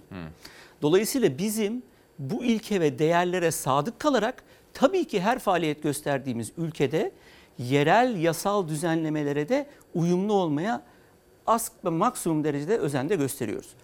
Bu bağlamda biz yılbaşından önce bir açıklama yaptık. Yaptığımız açıklama kapsamında da e, Türkiye'de bir tüzel bir e, temsilci atama girişimlerine başladığımızı Güzel. duyurduk. Dolayısıyla e, burada eğer soru YouTube'da ne Evet. farklı olacak bu dönemden sonra ise hiçbir farklılık olmayacak. Bu ilke ve değerler bazında faaliyet evet faaliyetlerimize devam. Yani geçmişte neyse aynı şekilde ifade özgürlüğüne, şeffaflığa ve bilgi e, erişimine olan bağlılığımızı sürdürerek oper- Şimdi bu neden önemli biliyor musunuz Mehmet Bey? Şimdi ben de geçmişte telefonları yıllar yılı FETÖ tarafından dinlenmiş birisiyim. Geçtiğimiz hafta Cuma günü HSK'dan bana bir mektup geldi. Bir bildirim yaptılar. O kişiler yani telefonlarımızı yasa dışı olarak dinleyenlerle ilgili neler yapıldığını, kimisi yurt dışında kaçak, kimisi cezaevlerinde bu bilgilendirmeler yapıldı. Sizler tabii küresel bir firmasınız. Yani devletler sizden isteseler bile hukuki prosedür yerine getirilmeden hiçbir bilgi verilmez. Değil Kesinlikle, mi? Doğru mu bu? Kesinlikle öyle. Tamam. Kesinlikle öyle. Peki. Şimdi ben yönetmenimden rica edeceğim. Ticaret Bakanı Ruslar Pekcan ve Google Türkiye Koordinatörü'nün Mehmet Bey'in katıldığı bir toplantı vardı. O toplantıyı bir izleyelim. Esnafımızı nasıl destekleyeceğiz soralım. Yeni dönemde piyasaların ve ticaretin işleyişinin sağlıklı biçimde devam edebilmesi için kamu ve özel sektörümüzün dijital dönüşümünün büyük önem arz ettiğini biliyoruz. İçinde bulunduğumuz dönem dijital ekonominin otomasyonunun, büyük verinin, blok zincirin, nesnelerin in- internetinin, bulut bileşimin ve yapay zeka teknolojilerinin ön plana çıktığı, bilgi ve iletişim teknolojilerin hemen her sektörde çok boyutlu biçimde uygulandığı ve toplumsal yaşamda köklü değişimleri beraberinde getirdiği bir dönem. Dijital uygulamalar hane halkını, tüketiciyi ve her ölçekten işletmeyi etkile, etkileyebilen boyuta ulaşmış durumda. Bugün sadece üretimde değil, üretimin yanında pazarlama, müşteri ilişkileri, dış ticaret operasyonları ve lojistik gibi pek çok faaliyette dijital uygulamalar belirleyici bir role sahip. Bu çerçevede dijital uygulamalar ve e-ticaretin gelişimi yeni meslek ve iş alanlarının ortaya çıkması için vesile olurken esnaf ve sanatkarlarımız için de büyük bir fırsat barındırmaktadır. E-ticaret sayesinde faaliyetlerini etkinleştirip yaygınlaştırabilecekler ve daha fazla kazanç sağlayabilecek, kendi markalarını yaratabilecek, gerektiğinde işletmelerini ve ticari faaliyetlerini büyütebilecek ve hatta bazı konumlarda, bazı durumlarda ihracatçı olabileceklerdir. Dijital dönüşümde fark yaratan esnaflar inisiyatifi projelerinin de benzer hedeflerle kurgulandığını görüyoruz. Birkaç bileşeni olan bu projede esnaflarımızın kolay şekilde e-ticaret sitesi kurabilmelerini sağlayacak imkanlar yaratılacak.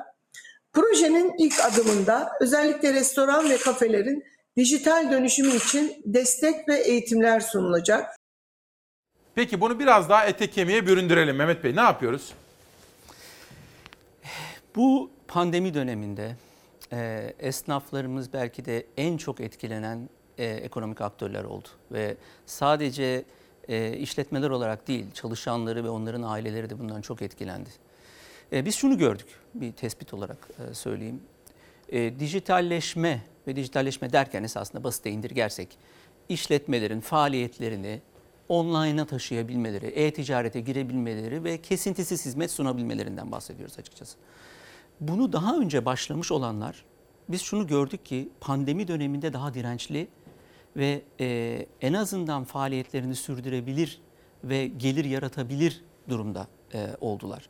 Dolayısıyla biz bunu kuvvetlendirmek yani bütün esnafların dijitalleşmesi ile e, daha dirençli hale gelebilmeleri, daha geniş müşteri kitleleriyle ürünlerini buluşturabilmelerini ve buradan büyüyerek ya da büyüme momentumunu yakalamalarını istiyoruz. Bu, bu kapsamda biz bu projeyi e, oluşturduk. Bunun birkaç e, çok da ilham veren e, başarılı örnekler de çıktı açıkçası. Yani 90 küsur yıllık bir e, şeker e, iş, e, satan şekerleme işletmesinin e, bu verdiğimiz eğitimlerle beraber e, veya verdiğimiz araçlarla beraber e, tekrar satışlarını yapabilir, daha geniş müşteri kitlelerine ulaşabilir olduğunu gördük. Bana mail gönderenler oldu İsmail Bey. Çok yani e, babası e, e, terzi olan, e, gömlek diken e, bir e, kişi yazdı bunu. E, sırf bundan hazır giyimin olmadan önce birçok kişiye gömlek dikermiş. E, fakat hazır giyimin çıkmasıyla e, iş hacmini kaybetmiş. Şimdi e, online kanallarla, e-ticaret ile daha geniş kitlelere erişip iş adamlarına e, gömlek e, e, üretebilir hale gelmiş. Şöyle sorayım. Bak. Şimdi ben Gaziantep'te bir esnafım. Denizli'de bir esnafım. Mersin'de bir esnafım diyelim. Ben bundan nasıl faydalanacağım? Yani bana ne tavsiye edersiniz? Çok e, güzel bir soru. E, bunu üç bileşene bir bölelim. Birincisi nereden başlayacağız sorusunun Nereden cevabı olarak söylüyoruz. Birincisi eğitim ve beceriler. E, bundan kastımız e, ben dijital konusunda online araçlar, gereçler ve neyi, neyi nasıl yapmalıyım konusunda eğitim. İki, o araçların e, temin etmek. Bu ikisini biz bir Google Dijital e, Türkiye platformunda e, bir araya getirdik. Orada öğretmen de olsanız, esnaf da olsanız, e, kim olursanız olun her bir e, işletmeye yönelik hem eğitim hem araçlar kısmı var. E, birincisi bu. Buraya ziyaret etmeliler. Muhakkak buradan başlamalılar. Dijital atölye eğitimlerimiz var. İkincisi e, diğer bahsedeceğim konuda tabii ki Covid'den e, ve pandemiden e, çıkmak ve ekonomik toparlanma bir süreç alacak. Bunun da bilinciyle e, biz yaklaşık 12 milyon dolarlık bir e, finansal paket de, yardım paketi de e, 12 oluşturduk. milyon dolar. Evet. Bu esnafın bu dijital eğitimi ve teçhizat donanımı için Bunun mi? içerisinde bağış var. Bunun içerisinde e, 3 milyon dolarlık bir e, kredi paketi de var. E, keza hem e, bakanlıklarımıza, e, Sağlık Bakanlığımız, Milli Eğitim Bakanlığımız gibi birçok bakanlığımıza, Ticaret Bakanlığımıza dahil olmak üzere artı hobilerimize sunduğumuz reklam hibe e, paketi de var. Nasıl faydalanacağım? Ee, çok güzel. Ee, özellikle restoranlar ve kafeler için olan bağış programımızı biz e, Türkiye Esnaf ve Sanatkarlar Konfederasyonu ile beraber yürütüyoruz. TESK ile. TESK ile yürütüyoruz. TESK'in yapacağı e, bu konuda bir açıklama olacak. Nasıl Güzel. ve ne zaman başlayacağız diye. E, bu 3 milyon dolarlık KOBİ'lerimize yönelik olan e, finansal bu kredi e, paketini de Ticaret Bakanlığımız ile yürütüyoruz. Onlar da bu konuyla ilgili e, bir finans kurumuyla anlaşarak sonra bir açıklaması olacak. Oradan başvuru yapabilirler. E, eğitimler içinse zaten bahsettim. E, Google Dijital Türkiye platformu üzerinden bu eğitimlere ve veya araçlara e, erişebilirler esnaflarımız. Bir görselimiz daha vardı Hilal. Bu Odalar Birliği Başkanı'yla da olan. Onu da birazcık daha detaylı sormak istiyorum. Bakın Google Türkiye Ülke Direktörü Mehmet Keteloğlu, Kamu İlişkileri Başkanı Pelin Kuzey Karaman ve Kamu İlişkileri Müdürü Erkan Kaptan ile video konferansta durumu değerlendirdik diyor. Siz de diyorsunuz ki Türkiye'de dijital ekonominin büyümesi için Google Türkiye olarak daha fazla nasıl katkı sağlayabileceğimizi konuştuğumuz verimli toplantılar. Şimdi muazzam bir imkan var aslında. Hani dedim ya biraz evvel Türkiye'nin çok farklı noktalarındayım. Mesela Diyarbakır'da bir esnafım ben. Evet. Aslında dünyaya açılabilirim ve dünya ile iletişime çok daha rahat geçebilirim bu imkanlarla. Ee, İsmail Bey biz şu anda sadece pandemi için olan bir e, yaptığımız şey ama çok daha geniş e, yaptığımız inisiyatifler var bizim. Ee, birincisi burada konuşmadığımız girişimcilik. İkincisi konuşmadığımız e-ihracat. Bunların hepsinde biz e, bütün paydaşlarımızla, paydaşlarımız kimdir? Tabii ki Rıfat Bey'le oturup konuştuk. Odalar Çünkü Birliği, onların Odalar TESK, Birliği var, TESK var, Ticaret Bakanlığı. Ticaret Bakanlığı var. Biz buralarda gaya geniş bir inisiyatif yelpazesi e, de başlattık. E, ve onların çok ciddi erişimleri var. Mesela bu restoran kafeler için biz Türkiye'de yaklaşık 200 bin tane restoran kafe var. %10'una ulaşmayı hedefliyoruz. bu başlattığımız sırf pandemi sürecindeki e, dijitalleşme, esnafın dijitalleşmesi projesiyle 1,5 milyon işletme ve kişiye ulaşmayı hedefliyoruz ki 500 binine dokunabildik. Çok iyi. Ee, bununla beraber e, özellikle girişimcilik, girişimcilikte e, Türkiye'de çok büyük bir ciddi bir potansiyel var. Biz Milli Eğitim Bakanlığı ile çocukların kodlama eğitimlerine yönelik müfredat geliştirdik. Bunu Sayın Bakanımızla geçen sene e, açıkladık. Bunun ikinci fazına başlıyoruz. İkinci fazında veri bilimi, yapay zeka e, üzerine daha da müfredatı genişlettirdik. Daha geniş e, lise öğrencilerine e, erişebilir duruma e, getiriyoruz ve 1 milyon öğretmeni eğitiyoruz. 1 milyon öğretmeni eğitip daha fazla gencimizi bu konuda eğitmek için. Çünkü Bilgisayar mühendisliği ve kodlama gibi temel konular. Kodlama, İşte biraz yapay zeka. konuşması lazım Türkiye'nin.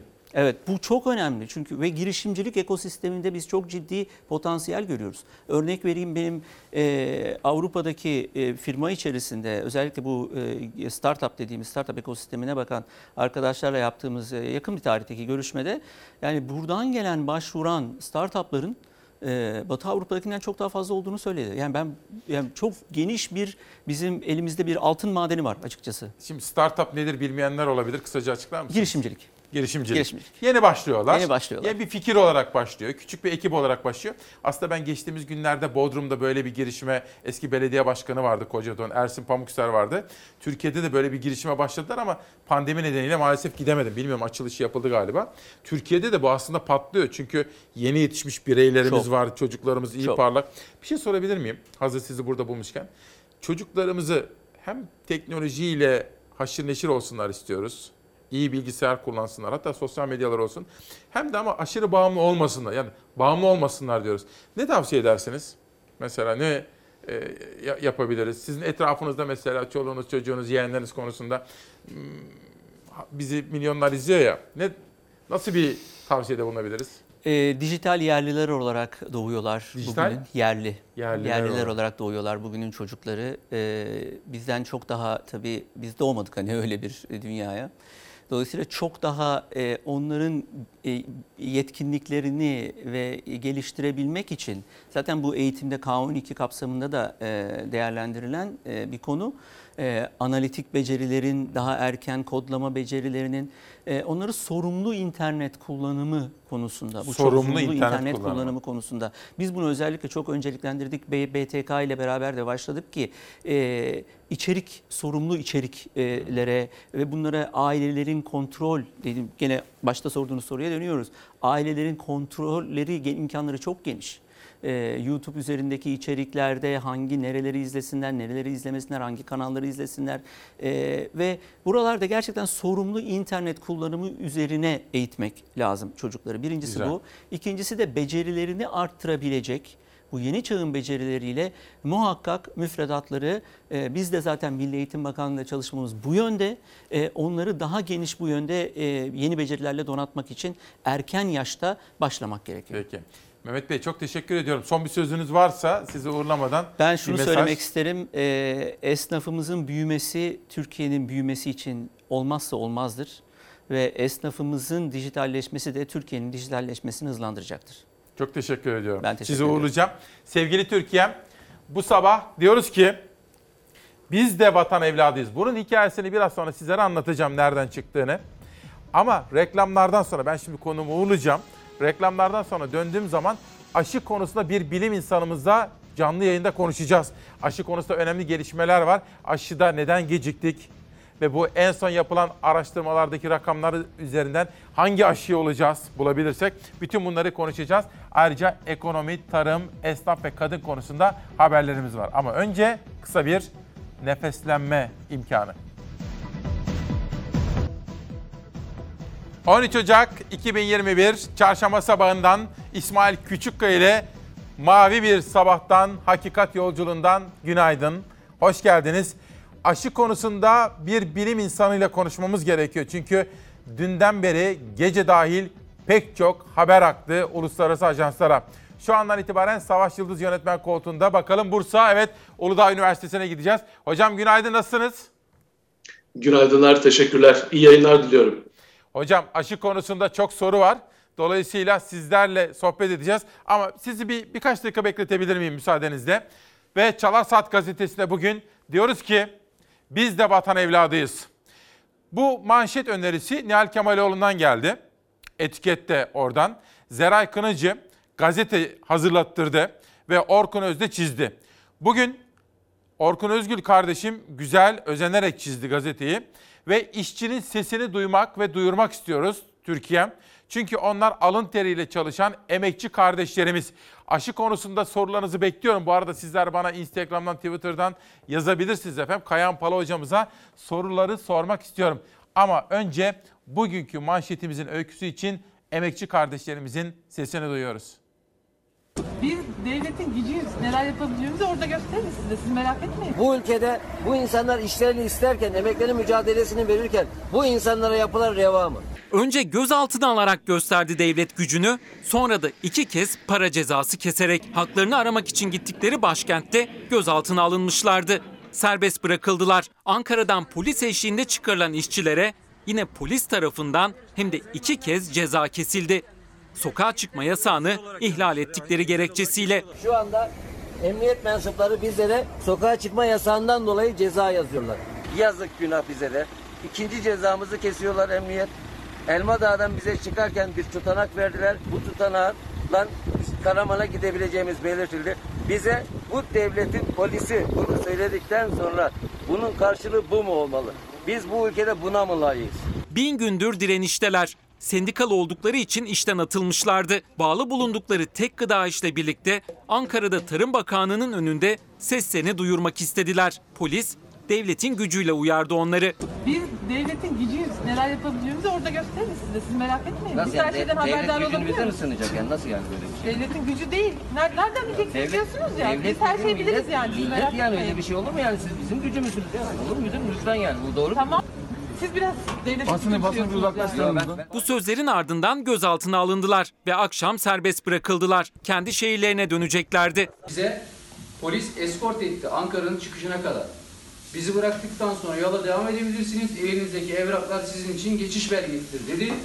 Daha 2 kilometre gitmeden 3-4 tane ekip aracı geldi. Önümüzü kesti. Bizim sanırım darp raporunun çıkması saat 9. Bize denilen bakın An- Ankara Emniyetindeki memurların memurların imzaları bunlar. Sokağa çıkma ihlalinin kaynaklı bir durum olursa bu belgeleri arkadaşlara gösterin dediler. Onlar da belgelerini gösterdi. Altında yine Ankara Emniyeti polislerinin imzası vardı. Ankara polisi, Ankara polisinin imzasını yeterli bulmadı. Sokağa çıkma yasağı kısıtlaması var.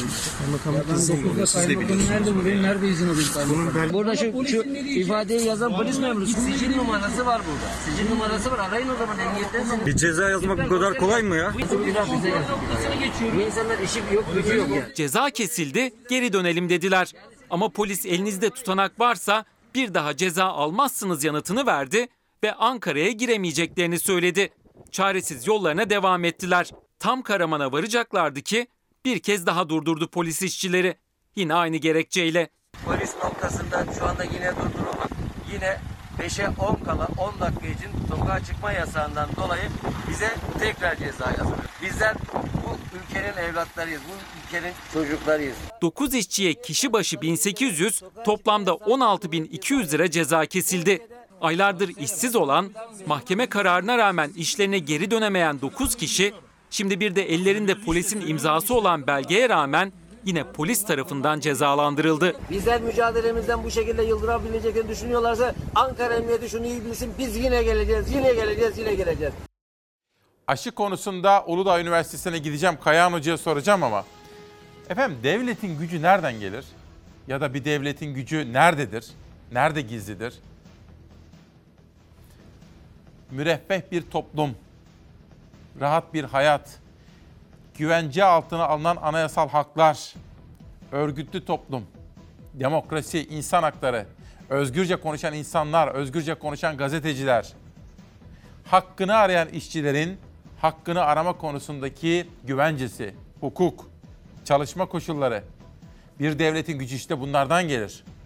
Devlet dediğimiz bize vatandaşa hizmet etmek için kurulmuş birer tüzel kişiliktir. Ve devletin gücünü üzerinde bulunduranlar, ister polis olsun, öğretmen olsun, siyasetçi olsun, devlet adamı olsun, vatandaşa hizmet etmekte mükelleftir efendim. Bunları hatırlatıyorum. İlerleyen dakikalarda işçilerle ilgili başka bir haberim daha var. Bir inşaat firmasından bir yıldır maaşlarını alamayanlar. Maaş alamamak ne demek? İşçinin alın terini, onun karşılığını vermemek ne demek efendim? İşte bütün bunları bugün saat 11'e kadar konuşmayı sürdüreceğiz. Ama önce aşı konusunda Kayahan Hoca'ya soralım. Hocam bir kere daha günaydın, bir kere daha hoş geldiniz. Aklıma şu soru geldi. Size gerek üniversitede, gerekse dışarıda, özel hayatınızda, Bursa'da ya da telefonda soruyorlar. Sizler önemli insanlarsınız. Aşı konusunda en çok ne soruyorlar size? Bana sorulan en çok soru bu Sinovac aşısını yaptırıp yaptırmayacağım. Siz ne diyorsunuz? Ee, açıkçası İsmail, ben bu aşıyı yaptıracağım. Ama aşı yaptırırken bunun kişisel bir karar olduğunu da söyleyeceğim.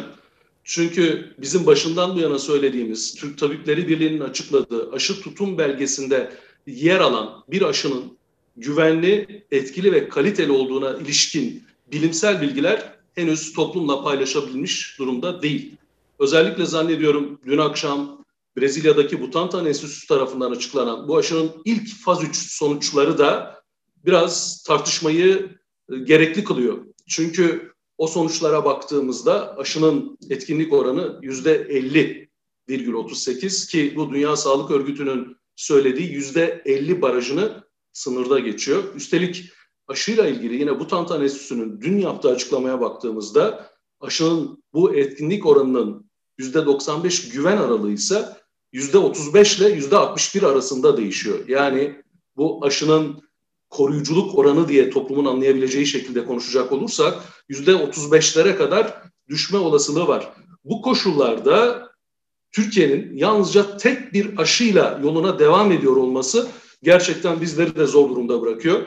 Keşke Sinovac'ın yanı sıra koruyuculuk oranı %95'lerde olduğu bilinen örneğin Pfizer-BioNTech aşısı, örneğin Moderna aşısı gibi aşılar ve örneğin yine Oxford aşısı gibi koruyuculuk oranı biraz daha düşük olsa bile yine çok yüksek oranda olduğu bilinen. Üstelik bu üç aşının 60 yaşın üstündekilerdeki etkinliğinin de yüksek olduğu biliniyor. Oysa Sinovac aşısının şu ana kadar dün akşamki Butantan e, Enstitüsü açıklamasında da yer almadığı için biz 60 yaşın üstünde nasıl bir etkinlik göstereceğini bilemiyoruz.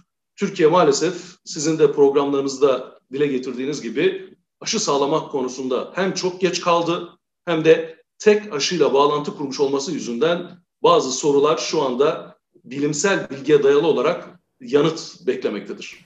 Hocam biz sabah haber buluşmamız için hazırlığımızı yaparken ekip arkadaşlarıma da sordum. Bu etkinlik oranı var ya yüzde 50 nokta küsür koruyucu Evet. diyor. Bu ne demek? İki tane ihtimal var. Bunu bize bir açıklayın. Şimdi diyelim ben ekip arkadaşlarıma söyledim. Sabah dört arkadaşım haber yapıyordu. Diyelim dördünüze de aşı yapıldı. Yüzde 50 koruyuculuğu var demek. Dördünüzden ikisinin bu hastalığa yakalanıp ikinizin yakalanmaması mı? Ya da nedir diye soralım size. Ee, Aslında senin söylediğin gibi e, İsmail yani yüzde 50 koruyuculuk oranı aşı yaptıran 100 kişinin 50'sinin bu hastalığa yakalanma ihtimalinin olmadığını, geri kalanının ise hastalığa yakalanabileceğini gösteriyor ki Brezilya açıklamasında da bunlar zaten rakamlarla ortaya konmuş durumda. Dolayısıyla aşı yapılanlardaki koruyuculuk oranının yüzde 50 olması toplumun yarısını ancak bizim bu hastalığa karşı koruyabileceğimizi ama özellikle yaş gruplarına göre baktığımızda da bunun yüzde 35'lere kadar düşebileceğini Brezilya'daki sonuçlara dayalı olarak söylüyorum karşımıza çıkartıyor. Hocam peki şimdi şu Brezilya haberi bir izleyelim. Sonra biraz daha bunu detaylandıralım. Ben de size şunu sormak istiyorum. İşte bu araştırma sonuçları neden farklı? Mesela Türkiye'de açıklanıyor %90-92 diyorlar. Filanca ülkede 70 diyorlar. Endonezya'da 60 diyorlar, 65 diyorlar. Brezilya'da %50 diyorlar. Bu farklılığın nedenini size soracağım. Ama önce Brezilya'dan gelen o haberin manşeti. Türkiye'de kullanılacak Çinli Sinovac aşısının Brezilya'daki faz 3 çalışmalarının sonuçları paylaşıldı. Brezilya'daki araştırma enstitüsü Çin aşısının etkinlik oranını %50,4 olarak açıkladı. Açıklamada aşının etkisinin hastalığın şiddetine göre %100'e kadar da çıkabildiği belirtildi. Türkiye'nin yarından itibaren uygulamaya başlayacağı Çin menşeli koronavirüs aşısının etki oranı %91,2 olarak açıklanmıştı Türkiye'de. Toplam aşı etkinliği %91.25 olarak hesaplanmıştır. %91 önümüzdeki günlerde daha da artacaktır. Daha önce ara sonuçları açıklayan Brezilya, faz 3 çalışmalarının sonuçlarını dün paylaştı. Brezilyalı Araştırma Enstitüsü aşı salgını kontrol altına almada etkili dedi. Etkisini ise Türkiye'den ve Endonezya'dan düşük açıkladı. %50,4 olarak paylaştı. Tüm arkadaşlarımızla birlikte aşıyı olacağız. Çin aşısının etkinliği Türkiye'de %91,2, Endonezya'daki testler sonrasında ise %65,3 olarak açıklanmıştı. Yetkililer aşının etkinlik oranının değişkenlik gösterdiğini ifade etti. Çin aşısının etkinliğini hastalığın şiddetine göre %50'den %100'e kadar sağlayabildiği açıklandı. Nós temos uma boa vacina. Não é a melhor vacina do mundo, não é a vacina ideal. É uma boa vacina que tem a sua eficácia dentro dos limites do aceitável pela comunidade científica, pela Organização Mundial de Saúde, por parâmetros internacionais.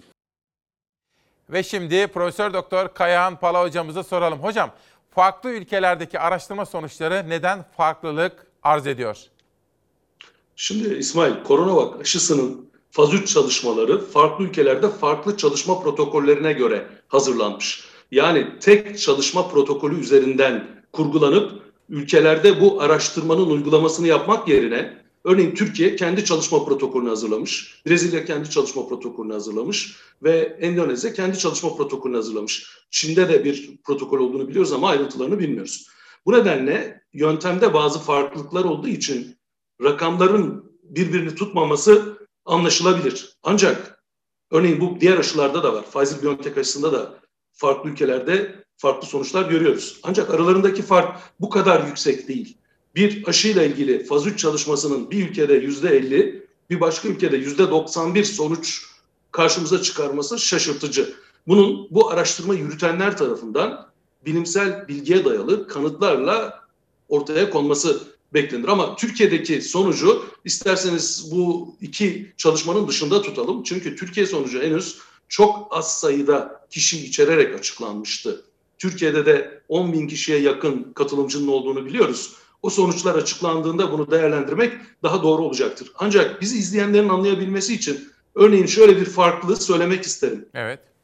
Bu faz 3 çalışmalarında bir gruba aşı, diğer gruba plasebo verirken her iki grupta da kimlerin hasta olduğu konusuna yanıt vermek üzere iki tane yöntem tercih edilebilir. Ya bu kişilerde kendileri semptom göstermese bile PCR sonuçlarına bakarak hasta olup olmadıkları anlaşılabilir. Ya da bu kişilerde yalnızca semptom gösterenlere PCR uygulanarak aşı etkinliği hesaplanabilir. İkisi arasında ciddi bir farkın ortaya çıkması söz konusu olacaktır. Bu çalışmaların bilimsel raporları henüz hakemli bilimsel dergilerde yayınlanmadığı için daha fazla tartışma yürütmemiz çok mümkün görünmüyor. Ancak burada şunu söylemek lazım. Siz de az önceki e, videoda gösterdiniz. Biz burada bu pandemi sırasında aşının etkinlik oranı kadar aşı yapılanlarda örneğin ağır hastalığa yakalanma oranı üzerinden de bir değerlendirme yapmak zorundayız. Evet, çok önemli, kritik. Kor Koronavak aşısının etkinliği değişik oranlarda karşımıza çıkıyor ama yapıldığı her yerde ağır hastalığı önlediğine ilişkin yüzde yüze varan olumlu sonuçlar var. Bunu da aklımızdan çıkarmamamız Bir dakika. gerekir. Hocam bunu işte biz sabah tartıştık. Bunu bir kere daha altını çizerek söyleyelim.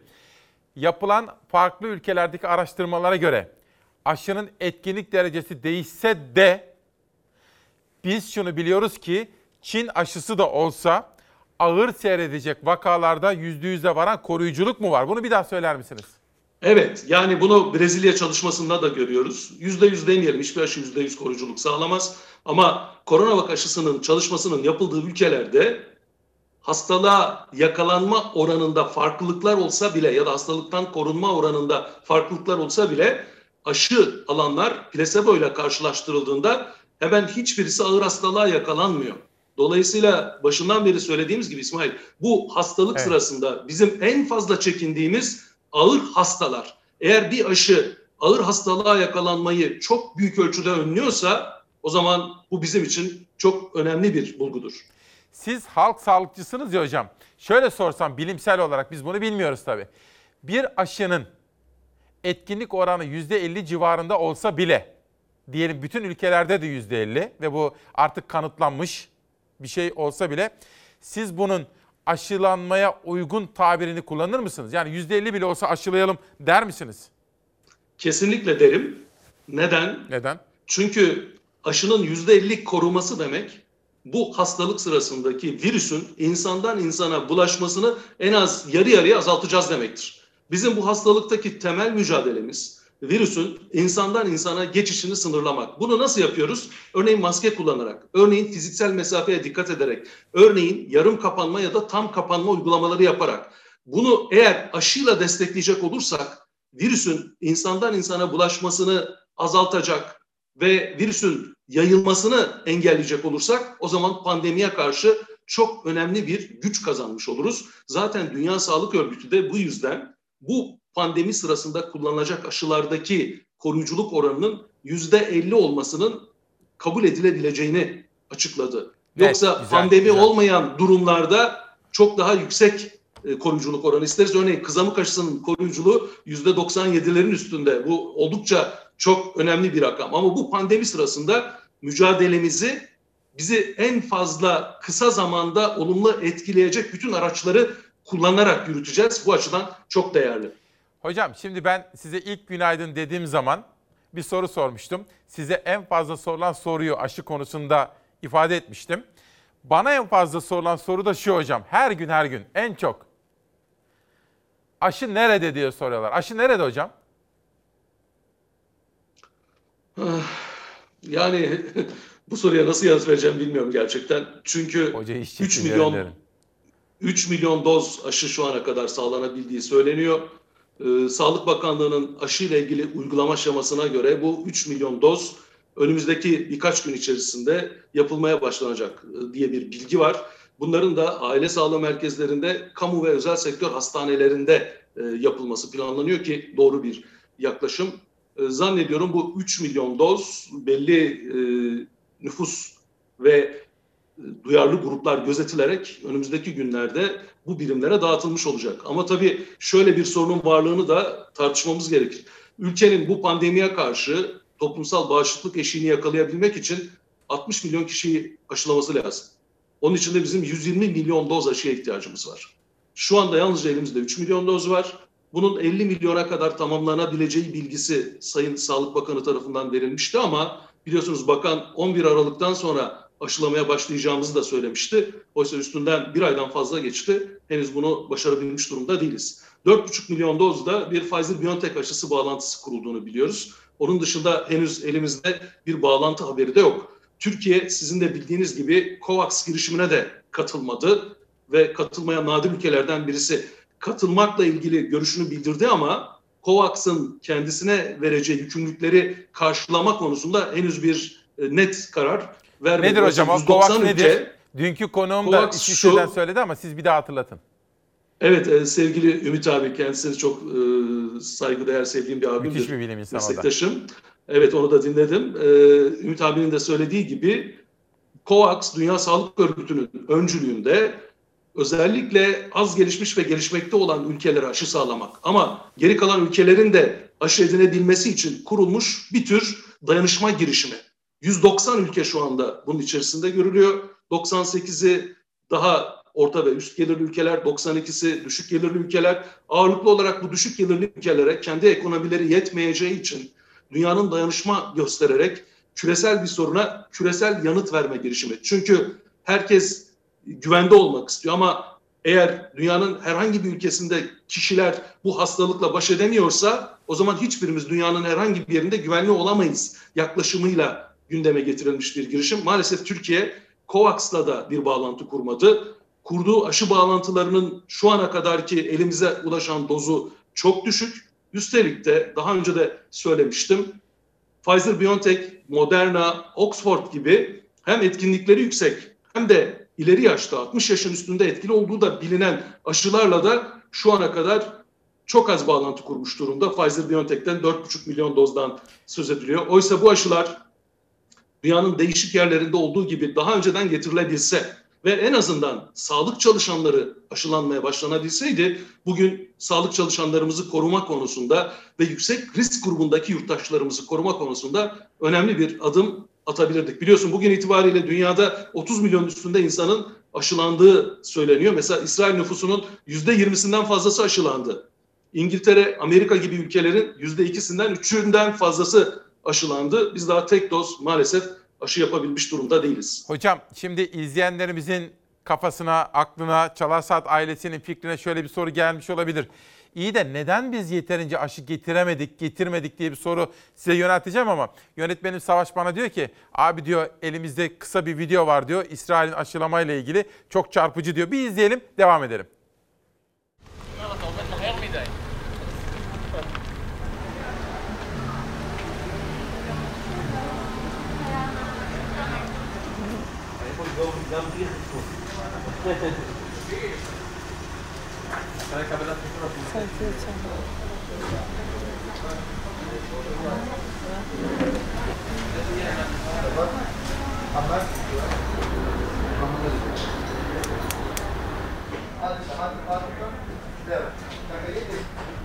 זהו, סליחה. סיימנו ללחוץ. Savaş gerçekten enteresan görüntülermiş. Profesör Doktor Kayahan Pala'ya soralım. Hocam şimdi biz büyük bir devletiz değil mi? Büyük bir devletiz. Biz halk olarak büyük bir halkız. Devletimiz güçlü, biz güçlüyüz. Ve pandemiyle mücadelede de halkımızın sizin ifadenize 60 milyonunu aşılamamız gerekiyor ki aslında sürü bağışıklığını kazanalım. Neden yeterince ve zamanında aşı gelmedi? Bir sorun mu var burada? Ee, sevgili İsmail aslında sorun çökende şöyle bir yerde yatıyor. Türkiye uzun yıllar boyunca kendi aşısını ürettiği Hıfzı Sağ Enstitüsü'nü kapattı maalesef. Yani Hıfzı Sağ Enstitüsü 1920'li yılların sonunda bırakın Türkiye'ye aşı sağlamayı, dünyaya aşı sağlayan bir kurumdu. 1950'lerde Dünya Sağlık Örgütü Türkiye'yi influenza aşısı açısından Orta Doğu'nun merkez laboratuvarı olarak kabul etmişti. Ama bunlar maalesef geçtiğimiz işte son 30 yıl içerisinde önce etkisizleştirilerek sonra kapatılarak ortadan kaldırılmış oldu. E kendi aşınızı üretmeyince dışarıdan mutlaka bir aşı bağlantısı kurmanız gerekiyor. Sağlık Bakanlığı da öyle anlaşılıyor ki işte Kanada, İsrail, Japonya gibi ülkeler daha Mart ayında aşıyla bağlantı kurmak için bir çaba göstermişken e, bizde bu çabalar gösterilmemiş ya da yeterince gösterilmemiş e, olduğu anlaşılıyor. Dolayısıyla Sağlık Bakanlığı aşı tedarikinde hem geç kaldı hem ağırlıklı olarak tek aşıyla bağlantı kurmuş olması yüzünden bugün aşı çeşitliliğinden de yoksunuz. Şöyle bir örnek vereyim İsmail. Örneğin Almanya biliyorsun Pfizer-BioNTech aşısı Almanya odaklı bir aşı ama Amerika'dan Moderna aşısını da getirterek üstelik de aynı tip aşı olmalarına rağmen o aşı çeşitliliğini sağlayarak yurttaşlarına kısa sürede çok fazla sayıda aşı yapmaya çalışıyor. İngiltere Oxford aşısı kendisinde olmasına rağmen bunun yanı sıra diğer aşıları da yapmaya çalışıyor. Dolayısıyla bizim de madem ki aşı üretmiyoruz, üretemiyoruz maalesef en azından şimdilik daha Mart ayından, Nisan ayından bu nüfusa uygun miktarda aşı sağlayabilmek için e, aşı çalışmalarının önde gittiği firmalarla bağlantı kurarak bu aşı tedarikini sağlamamız gerekirdi. Öyle anlaşılıyor ki şu ana kadar bunu sağlayabilmiş durumda değiliz. Hocam benim aklıma birkaç ihtimal geliyor. Şimdi biz devletimizin büyük ve güçlü olduğunu bildiğimiz ve buna inandığımız için peki nasıl olur da biz aşıyı yeterince getiremeyiz? Bir, politik bulabilirsiniz, katılmayabilirsiniz ama ben aklımdakileri geçeyim. Katılmak isterseniz fikir veya karşı çıkarsanız söyleyeyim. Bir, paramız yoktur belki bu kadar bilmiyorum. Bu aşı meselesi mesela milyonlarca aşı getirebilmek için çok büyük paralar mı lazım? İki, organizasyonda acaba geç mi kaldık? Organizasyon becerisi. Üç, acaba bu aşı üretimi mi yetersiz? Dünkü hocamız da bize bunları söylüyordu. Hani aşı var da getirmiyor muyuz yoksa aşı yeterince yok mu acaba oralarda? Ama o zaman başka ülkeler nasıl getiriyorlar? Yani ben bu kafam bunlara çalışıyor da bulamıyorum yanıtını. İsmail şöyle bakalım. Örneğin Kanada her yurttaşı başına 9 doz aşıyı çoktan sağladı. Oysa 2 doz yapacak. Peki Kanada gibi bir ülke her yurttaşı başına nüfusu da çok küçük olmayan bir ülke bu kadar yüksek doz aşıyı sağlayabiliyorken Türkiye neden sağlayamadı? Açıkçası bu gerekçeleri bilmiyoruz. Sağlık Bakanlığı'nın bunları açıklaması Ya gerekir. Ancak tabii. şunun şunu farkındayız. Bu aşıların fiyatları söz konusu olduğunda doz başına 20 dolarla 60 dolar arasında değişen rakamlar var. Örneğin İsrail'in bu kadar hızlı aşı yapabilmesinin, çok miktarda aşı sağlayabilmesinin arkasında oradaki yetkililerin yaptığı açıklamaya bakacak olursanız piyasanın üstünde fiyat vermek diye bir kavramdan söz ediyorlar. Yani 20 dolara başka ülkelerin alabildiği aşıları bunlar çok önceden 60 dolar bir para vererek tek doz için söylüyorum. Bu aşıyı sağlayabilmişler. Şöyle bir kaba hesap yapalım İsmail. Dozu 20 dolar olsa bizim 120 milyon doz aşıya ihtiyacımız olduğu için yaklaşık 2.4 milyar dolarlık bir kaynağı buraya aktarmamız lazım. Eğer doları da işte şu rakamdan bakacak olursanız 2.4 milyar dolar işte 7 ile çarparsanız 15-16 milyar TL belki biraz daha fazla yapacak. Ben dolar kurunu bilmiyorum. Dolayısıyla bu kadar bir kaynağı Türkiye buna aktarabilecek bir bütçesi var mı? Çünkü meclisteki konuşmalardan buraya böyle bir kaynak aktarıldığına ilişkin bilginin de elimizde olmadığını görüyoruz. Gerçekten bunun arkasında bir ekonomik sıkıntı mı var? Yoksa bir bağlantı problemi var? Anlamak mümkün değil. Ama dünyanın bizim kadar güçlü olmayan hatta güçlü olması sırasında bizimle aynı kategoriye girmesi bile mümkün olmayan bazı Afrika ülkelerinde bile aşılamanın başladığını düşünecek olursak burada biraz hem organizasyon hem tedarikte geç kalınması hem de belki finansal sıkıntılar bir rol oynamış olabilir. Ama dediğim gibi bu açıklamaların şeffaf bir şekilde Sağlık Bakanlığı tarafından yapılması gerekir. Çünkü yurttaş olarak bizim bunu bilmek hakkımız. Ben örneğin bütün sağlık çalışanları adına burada şunu rahatlıkla söyleyebilirim ki sağlık çalışanları eğer bir ay önce aşılanmaya başlayabilselerdi şimdi ikinci dozlarını almış olacaklardı ve artık önümüzdeki günlerde biz yeni sağlık çalışanı ağır hasta olmak ya da ölümle karşılaşmayacaktık. Oysa bunu yapamadığımız için her gün yeniden sağlık çalışanları ölürken gerçekten burada çok ciddi bir sıkıntı yaşadığımızı vurgulamak gerekiyor. Hocam şimdi tabii ben böyle 2 milyar dolar, 3 milyar dolar, 5 milyar dolarlık bir sorunumuz olduğu için bu aşıyı getiremediğimizi düşünmek ve buna inanmak istemem. Çünkü bu garanti verilen yollar, köprüler, şunlar bunlar her yerlere garanti veriliyor. Onlara ödenemeler dolar bazında devam ediyor. Milyar milyar dolarlar. Bunu yapan bir devlet haydi haydi aşıyı getirmesi gerekir. Şimdi birkaç soru daha soracağım size. Kayan hocamıza soralım. Semra Güner.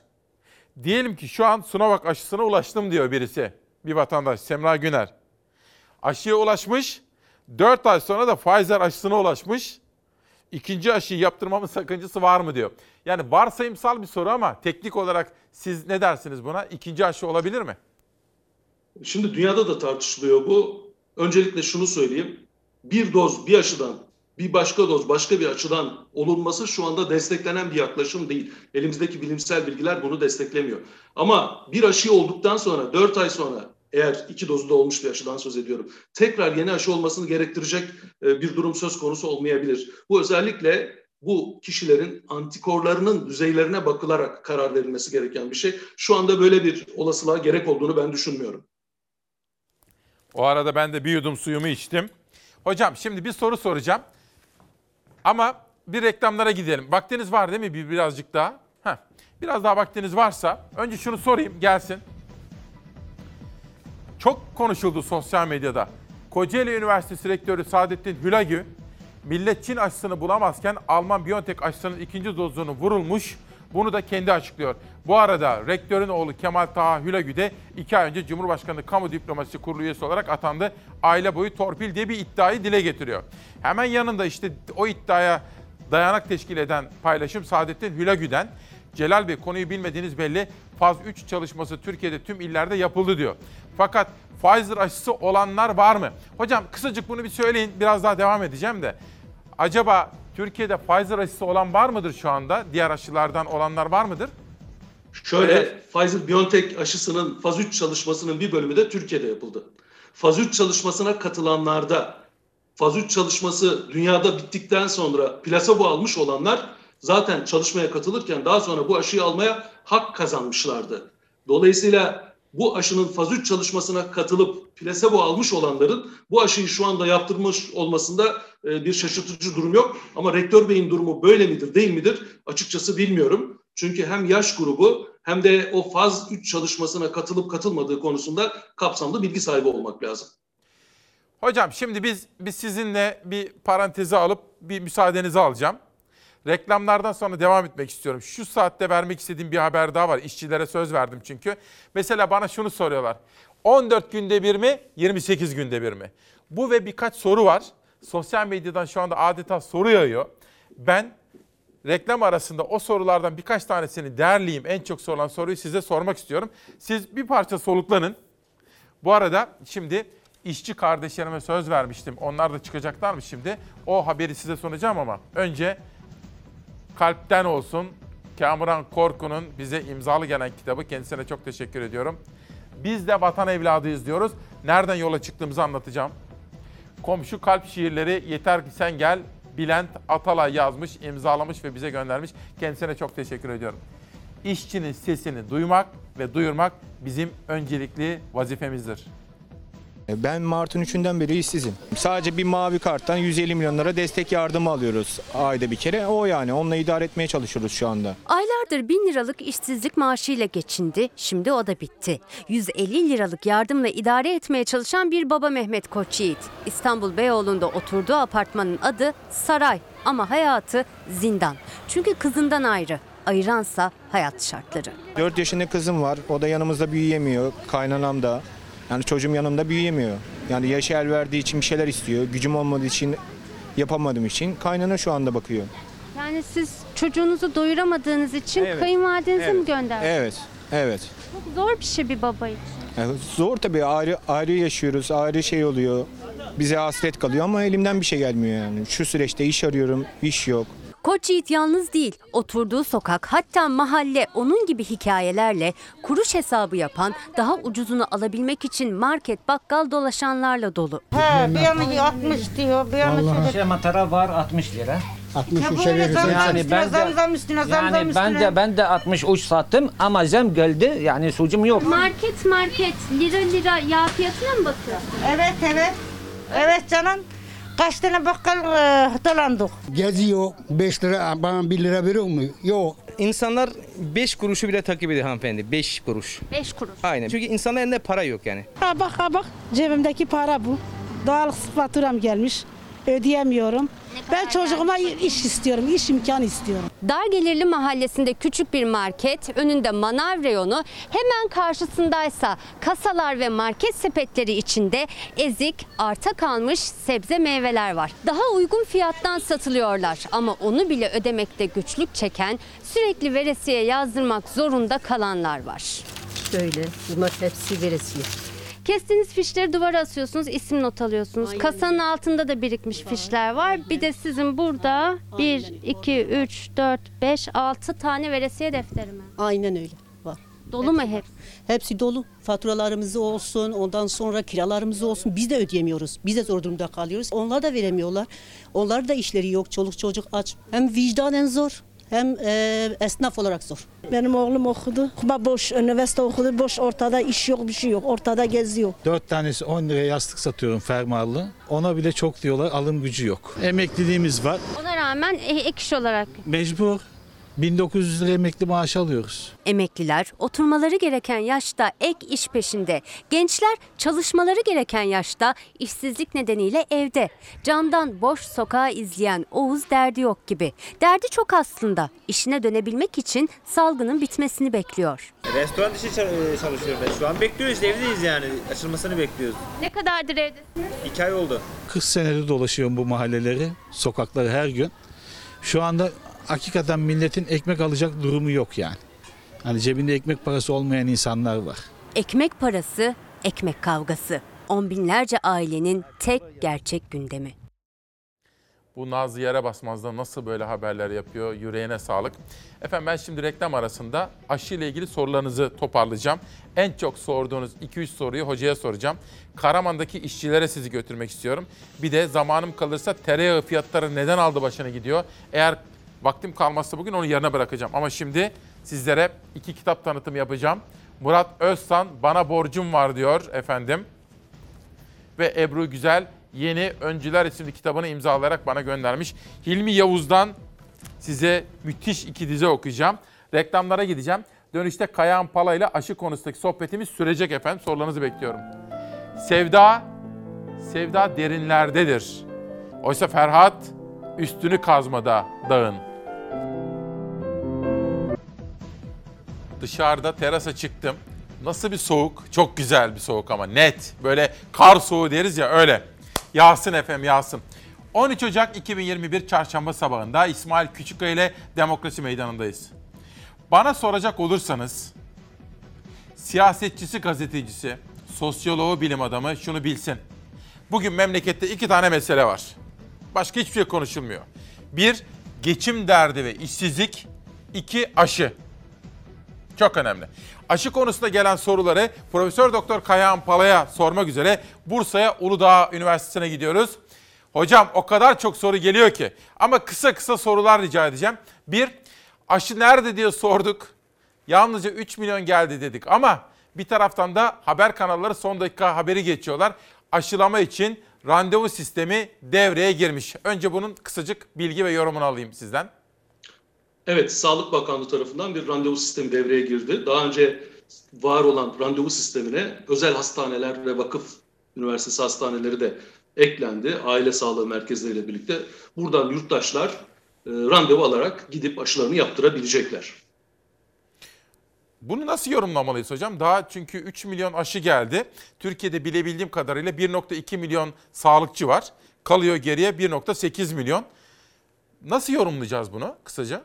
Aslında geriye 1.8 milyon kalmıyor. Herkese iki doz yapılacağını düşünecek olursak şu anda bu planlamanın 1.5 milyon insan üzerinden yapılması lazım. Çünkü daha henüz Türkiye'ye başka bir aşı girişi yapılmış değil. Sağlık Bakanlığı'nın böyle bir randevu sistemi oluşturması, bir organizasyona gitmesi bence olumlu bir gelişmedir. Güzel. Böylece biz e, bu aşının düzgün bir şekilde yapılabileceğinden emin olmak durumundayız. Çünkü bütün aşılar hem Sinovac şirketinin aşıları hem diğer aşılar aşı yapıldıktan bir süre sonra bazı istenmeyen etkilerle karşımıza gelebilir. O yüzden Sağlık Bakanlığı bütün kurumlarda bir aşı odası, bu konuda deneyimli bir aşı yapacak görevli oluşturdu. Ve randevu alıp oraya gittikten sonra, bu aşı yapıldıktan sonra da 30 dakika en az o kurumda kalınarak aşının o 30 dakika içerisinde istenmeyen bir etkisi olursa hem sağlık çalışanlarının bunu gözlemesi hem de gerekirse müdahale etmesi söz konusu olacak. Dolayısıyla bu organizasyon doğru bir yapılanma. Çünkü yalnızca bu 3 milyon dozla kalmayacağız eninde sonunda başka aşılarda karşımıza gelecek, diye Peki. e, Hocam, ümit ediyoruz. En çok konuşulan sorulardan biri. İlk aşıyı vurulduk, aşı olduk. 14 gün sonra mı, 28 gün sonra mı? İkincisi. Türkiye'de şu anda Sinovac aşısı için Sağlık Bakanlığı bunu 28 gün olarak açıkladı. Ancak faz 3 çalışmalarında 14 gün üzerinden yapılmıştı. Ee, Ben e, 14 gün arayla yapılmasının daha doğru olacağını düşünenlerdenim. Sağlık Bakanlığı niye 28 güne çıkardığı konusunda faz 1 ve faz 2'de 28 günde daha etkili olduğunun anlaşıldığını söyledi. Ama orada hem sayının azlığı hem de faz 3'te 14 gün arayla bu çalışmanın yürütülmüş olması nedeniyle 14 gün arayla yapılsa benim kişisel fikrimdir bu. Daha doğru olacağı kanısındayım ama şu anda Sinovac aşısı için söylüyorum 28 gün arayla yapılacağını Sağlık Bakanlığı açıkladı. Peki. Hocam aslında yanıtını verdiğiniz bir soru ama kısaca belki de çünkü pandemi zamanında insanlar geç kalkıyorlar ve pek çok insan eğer yazlığı varsa yazlığından dönmedi. Bir büyüğüm diyor ki İsmail Bey günaydın. %50 koruyan, koruyan Sinovac aşısının sağlıkçılara ve yaşlılara yapılması ne kadar doğru diye soruyor. Kısaca bir daha değerlendirir misiniz?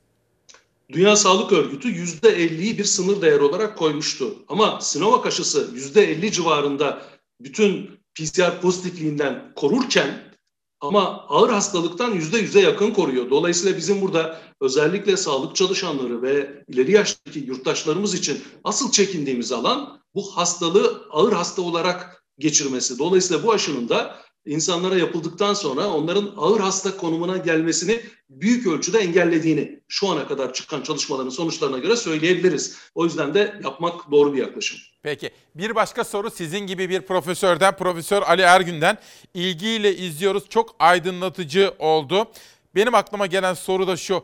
Korona aşılarının gelecek yıllarda grip aşılarına ilave edilerek tek bir doz halinde sunulması mümkün olur mu diye soruyor. Ee, Teşekkür ederim bu soru için. Açıkçası hiç bilgi sahibi olduğum bir konu değil. Şu ana kadar ben e, literatürde bunun tartışıldığına tanık olmadım.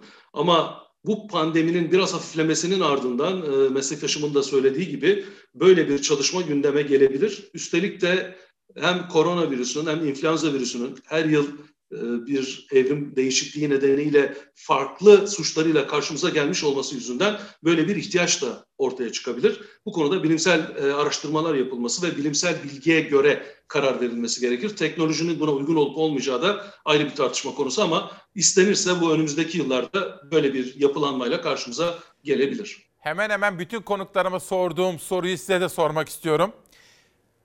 Bu sene aşı olduk diyelim. Gelecek yıllarda da grip aşısı gibi her yıl tekrarlanan bir aşı mı olacak korona sizce? Şu ana kadar elimizdeki bilgiler sınırlı. Aşı olanları en az bir yıl izledikten sonra bir başka deyişle şu andaki aşıların hepsinin faz 3 çalışmaları sonuçlandıktan sonra buna yanıt vermemiz uygun olacaktır. Eğer bir yıl sonra, bir buçuk yıl sonra halen vücudumuzdaki antikor düzeyleri bizi hastalıktan koruyacak kadar yüksekse yeniden aşı olmamız gerekmez. Ama antikor düzeylerinde bir azalma olursa o zaman yeniden aşı olmamız gerekebilir ki siz de biliyorsunuz bu İngiltere'de sonra Güney Afrika'da şimdi Japonya'da ortaya çıktığı söylenen yeni varyanta karşı da aşının ne ölçüde yanıt verebileceğini anlamak için biraz zamana ihtiyacımız var. Bunu önümüzdeki aylarda tekrar değerlendirip daha e, bilime dayalı, bilimsel bilgiye dayalı yanıtlar verebiliriz. Hocam son olarak mesai arkadaşlarımdan bir soru. Bir kere mesai arkadaşlarım da sizlere çok teşekkür ediyorlar. Kafalarındaki bütün soruların yanıtlandığını ve aydınlandığını söylüyorlar. Zafer Söken diyor ki, Sağlık Bakanı Sayın Fahrettin Koca bir süre önce bir açıklama yapmıştı. Ve Türkiye'de bu aşının, Çin aşısının çok etkili olacağına etkili olduğunu, olacağını söylemişti. Yani tam tabiri şu, Türk insanı da etkili olacağını söylemişti. Bu bir bilimsel bilgi mi yoksa hani wishful thinking derler ya aklından geçeni, gönlünden geçeni ifade etmek mi? Bunu nasıl yorumlamak mümkün? Aşıların ırklarda farklı ya da topluluklarda farklı yanıt verdiğine ilişkin bir bilgimiz yok. Bu doğru bir bilgi değil. Dolayısıyla öyle düşünmeyelim. Yani Türk insanında şöyle olur, başka insanda böyle olur diye bir yaklaşım bilimsel değil. Ayrıca yani evrim biyologlarının artık ırk kavramını bile kenara ittiği bir dönemde bunun ırk üzerinden tartışması da e, doğru değil gerçekten. Peki. Profesör Doktor Kayahan Pala Bursa Uludağ Üniversitesi'nden hocam ne kadar teşekkür etsem azdır. Sağ olun, var olun. Sevdiğimiz Bursa'ya da selamlarımızı iletin lütfen. Eksik olmayın. Çok teşekkürler. İyi yayınlar. Sağ olun. İyi ki böyle bilim adamlarımız var diyoruz. Efendim bugün de haber masasında işte Zafer'den bahsettim. Onun dışında Ezgi Gözeger haber yaptı. Özellikle hava hava durumu ile ilgili sel, İzmir, Antalya, Edirne konularında çok iyi haberler yaptı. Sağ olsun, var olsun. Beyza Gözeyik dünyadaki gelişmeleri takip etti. Editörüm Zeray Kınacı, yönetmenim Savaş Yıldız şu anda. Nihal Kemaloğlu ile birlikte gündem çalışmalarımızı yaptık. Etiketi ve manşeti ona borçluyum. Burada biz de vatan evladıyız. Burada Yunus abim var biliyorsunuz Adana evladıdır. Burada da Mümin kardeşim var Eskişehirlidir. Bütün rejideki ekip arkadaşlarıma, kurgu servisteki arkadaşlarıma, bugün Recep Aydın vardı ve Gürol Kraman vardı. Her birine ne kadar teşekkür etsem ve arkamızda da Fox'un gücü. Sizlere çok teşekkür ediyorum. Bir kliple veda edeceğim ama önce şu kitapları da bir tanıtalım. Nar zamanı. Nar nedir? Berekettir değil mi? Yeni çıkan kitaplara bakıyoruz. Ve Banu Demir'den yeni çıkan bir kitap da imzalı olarak geldi. Nizamettin İlhan, Ahmet Üres'in Aşk 29 harftir diyor. Hilmi Yavuz'dan küçük bir dize okumak ve sizlere armağan etmek isterim. Bakalım dün ne seçmişim size? Sayfa 101. Ve sizler için kalbimizden kalbinize bir armağan, böyle bir nefes olsun istedik efendim. İsmail Küçükkaya ile Demokrasi Meydanı yarın 8 ile 11 arasında yine sizlerle birlikte olacak. Giden ben değilim, yoldur. Dili söyleyen sevdaysa mektubum kalbime dolanır. Bir kararda durmayalım, bir kararda durmayalım. Gel gidelim dosta gönül, hasret ile yanmayalım, hasret ile yanmayalım. Gel gidelim dosta gönül, gel gidelim yara gönül.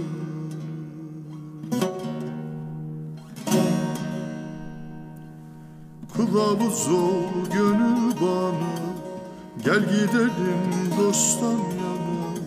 Canım kurbandır canana. Gel gidelim aşka gönül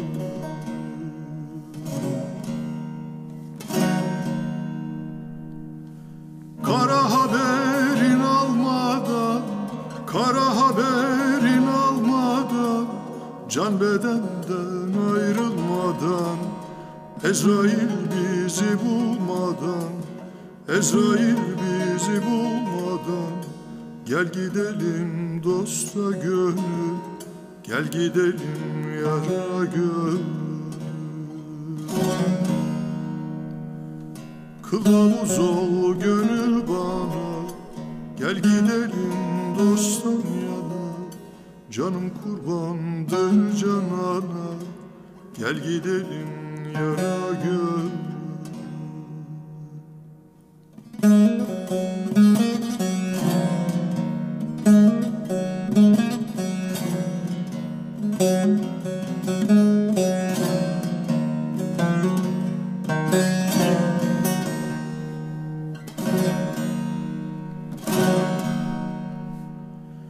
Gerçek murada varalım. Gerçek murada varalım. Yarın haberin soralım. Yunus Emre'yi alalım. Yunus Emre'yi alalım. Gel gidelim dosta gönül Gel gidelim yara gönül Kılavuz ol gönül bana Gel gidelim dosttan yana. Canım kurbandır canana. Gel gidelim yar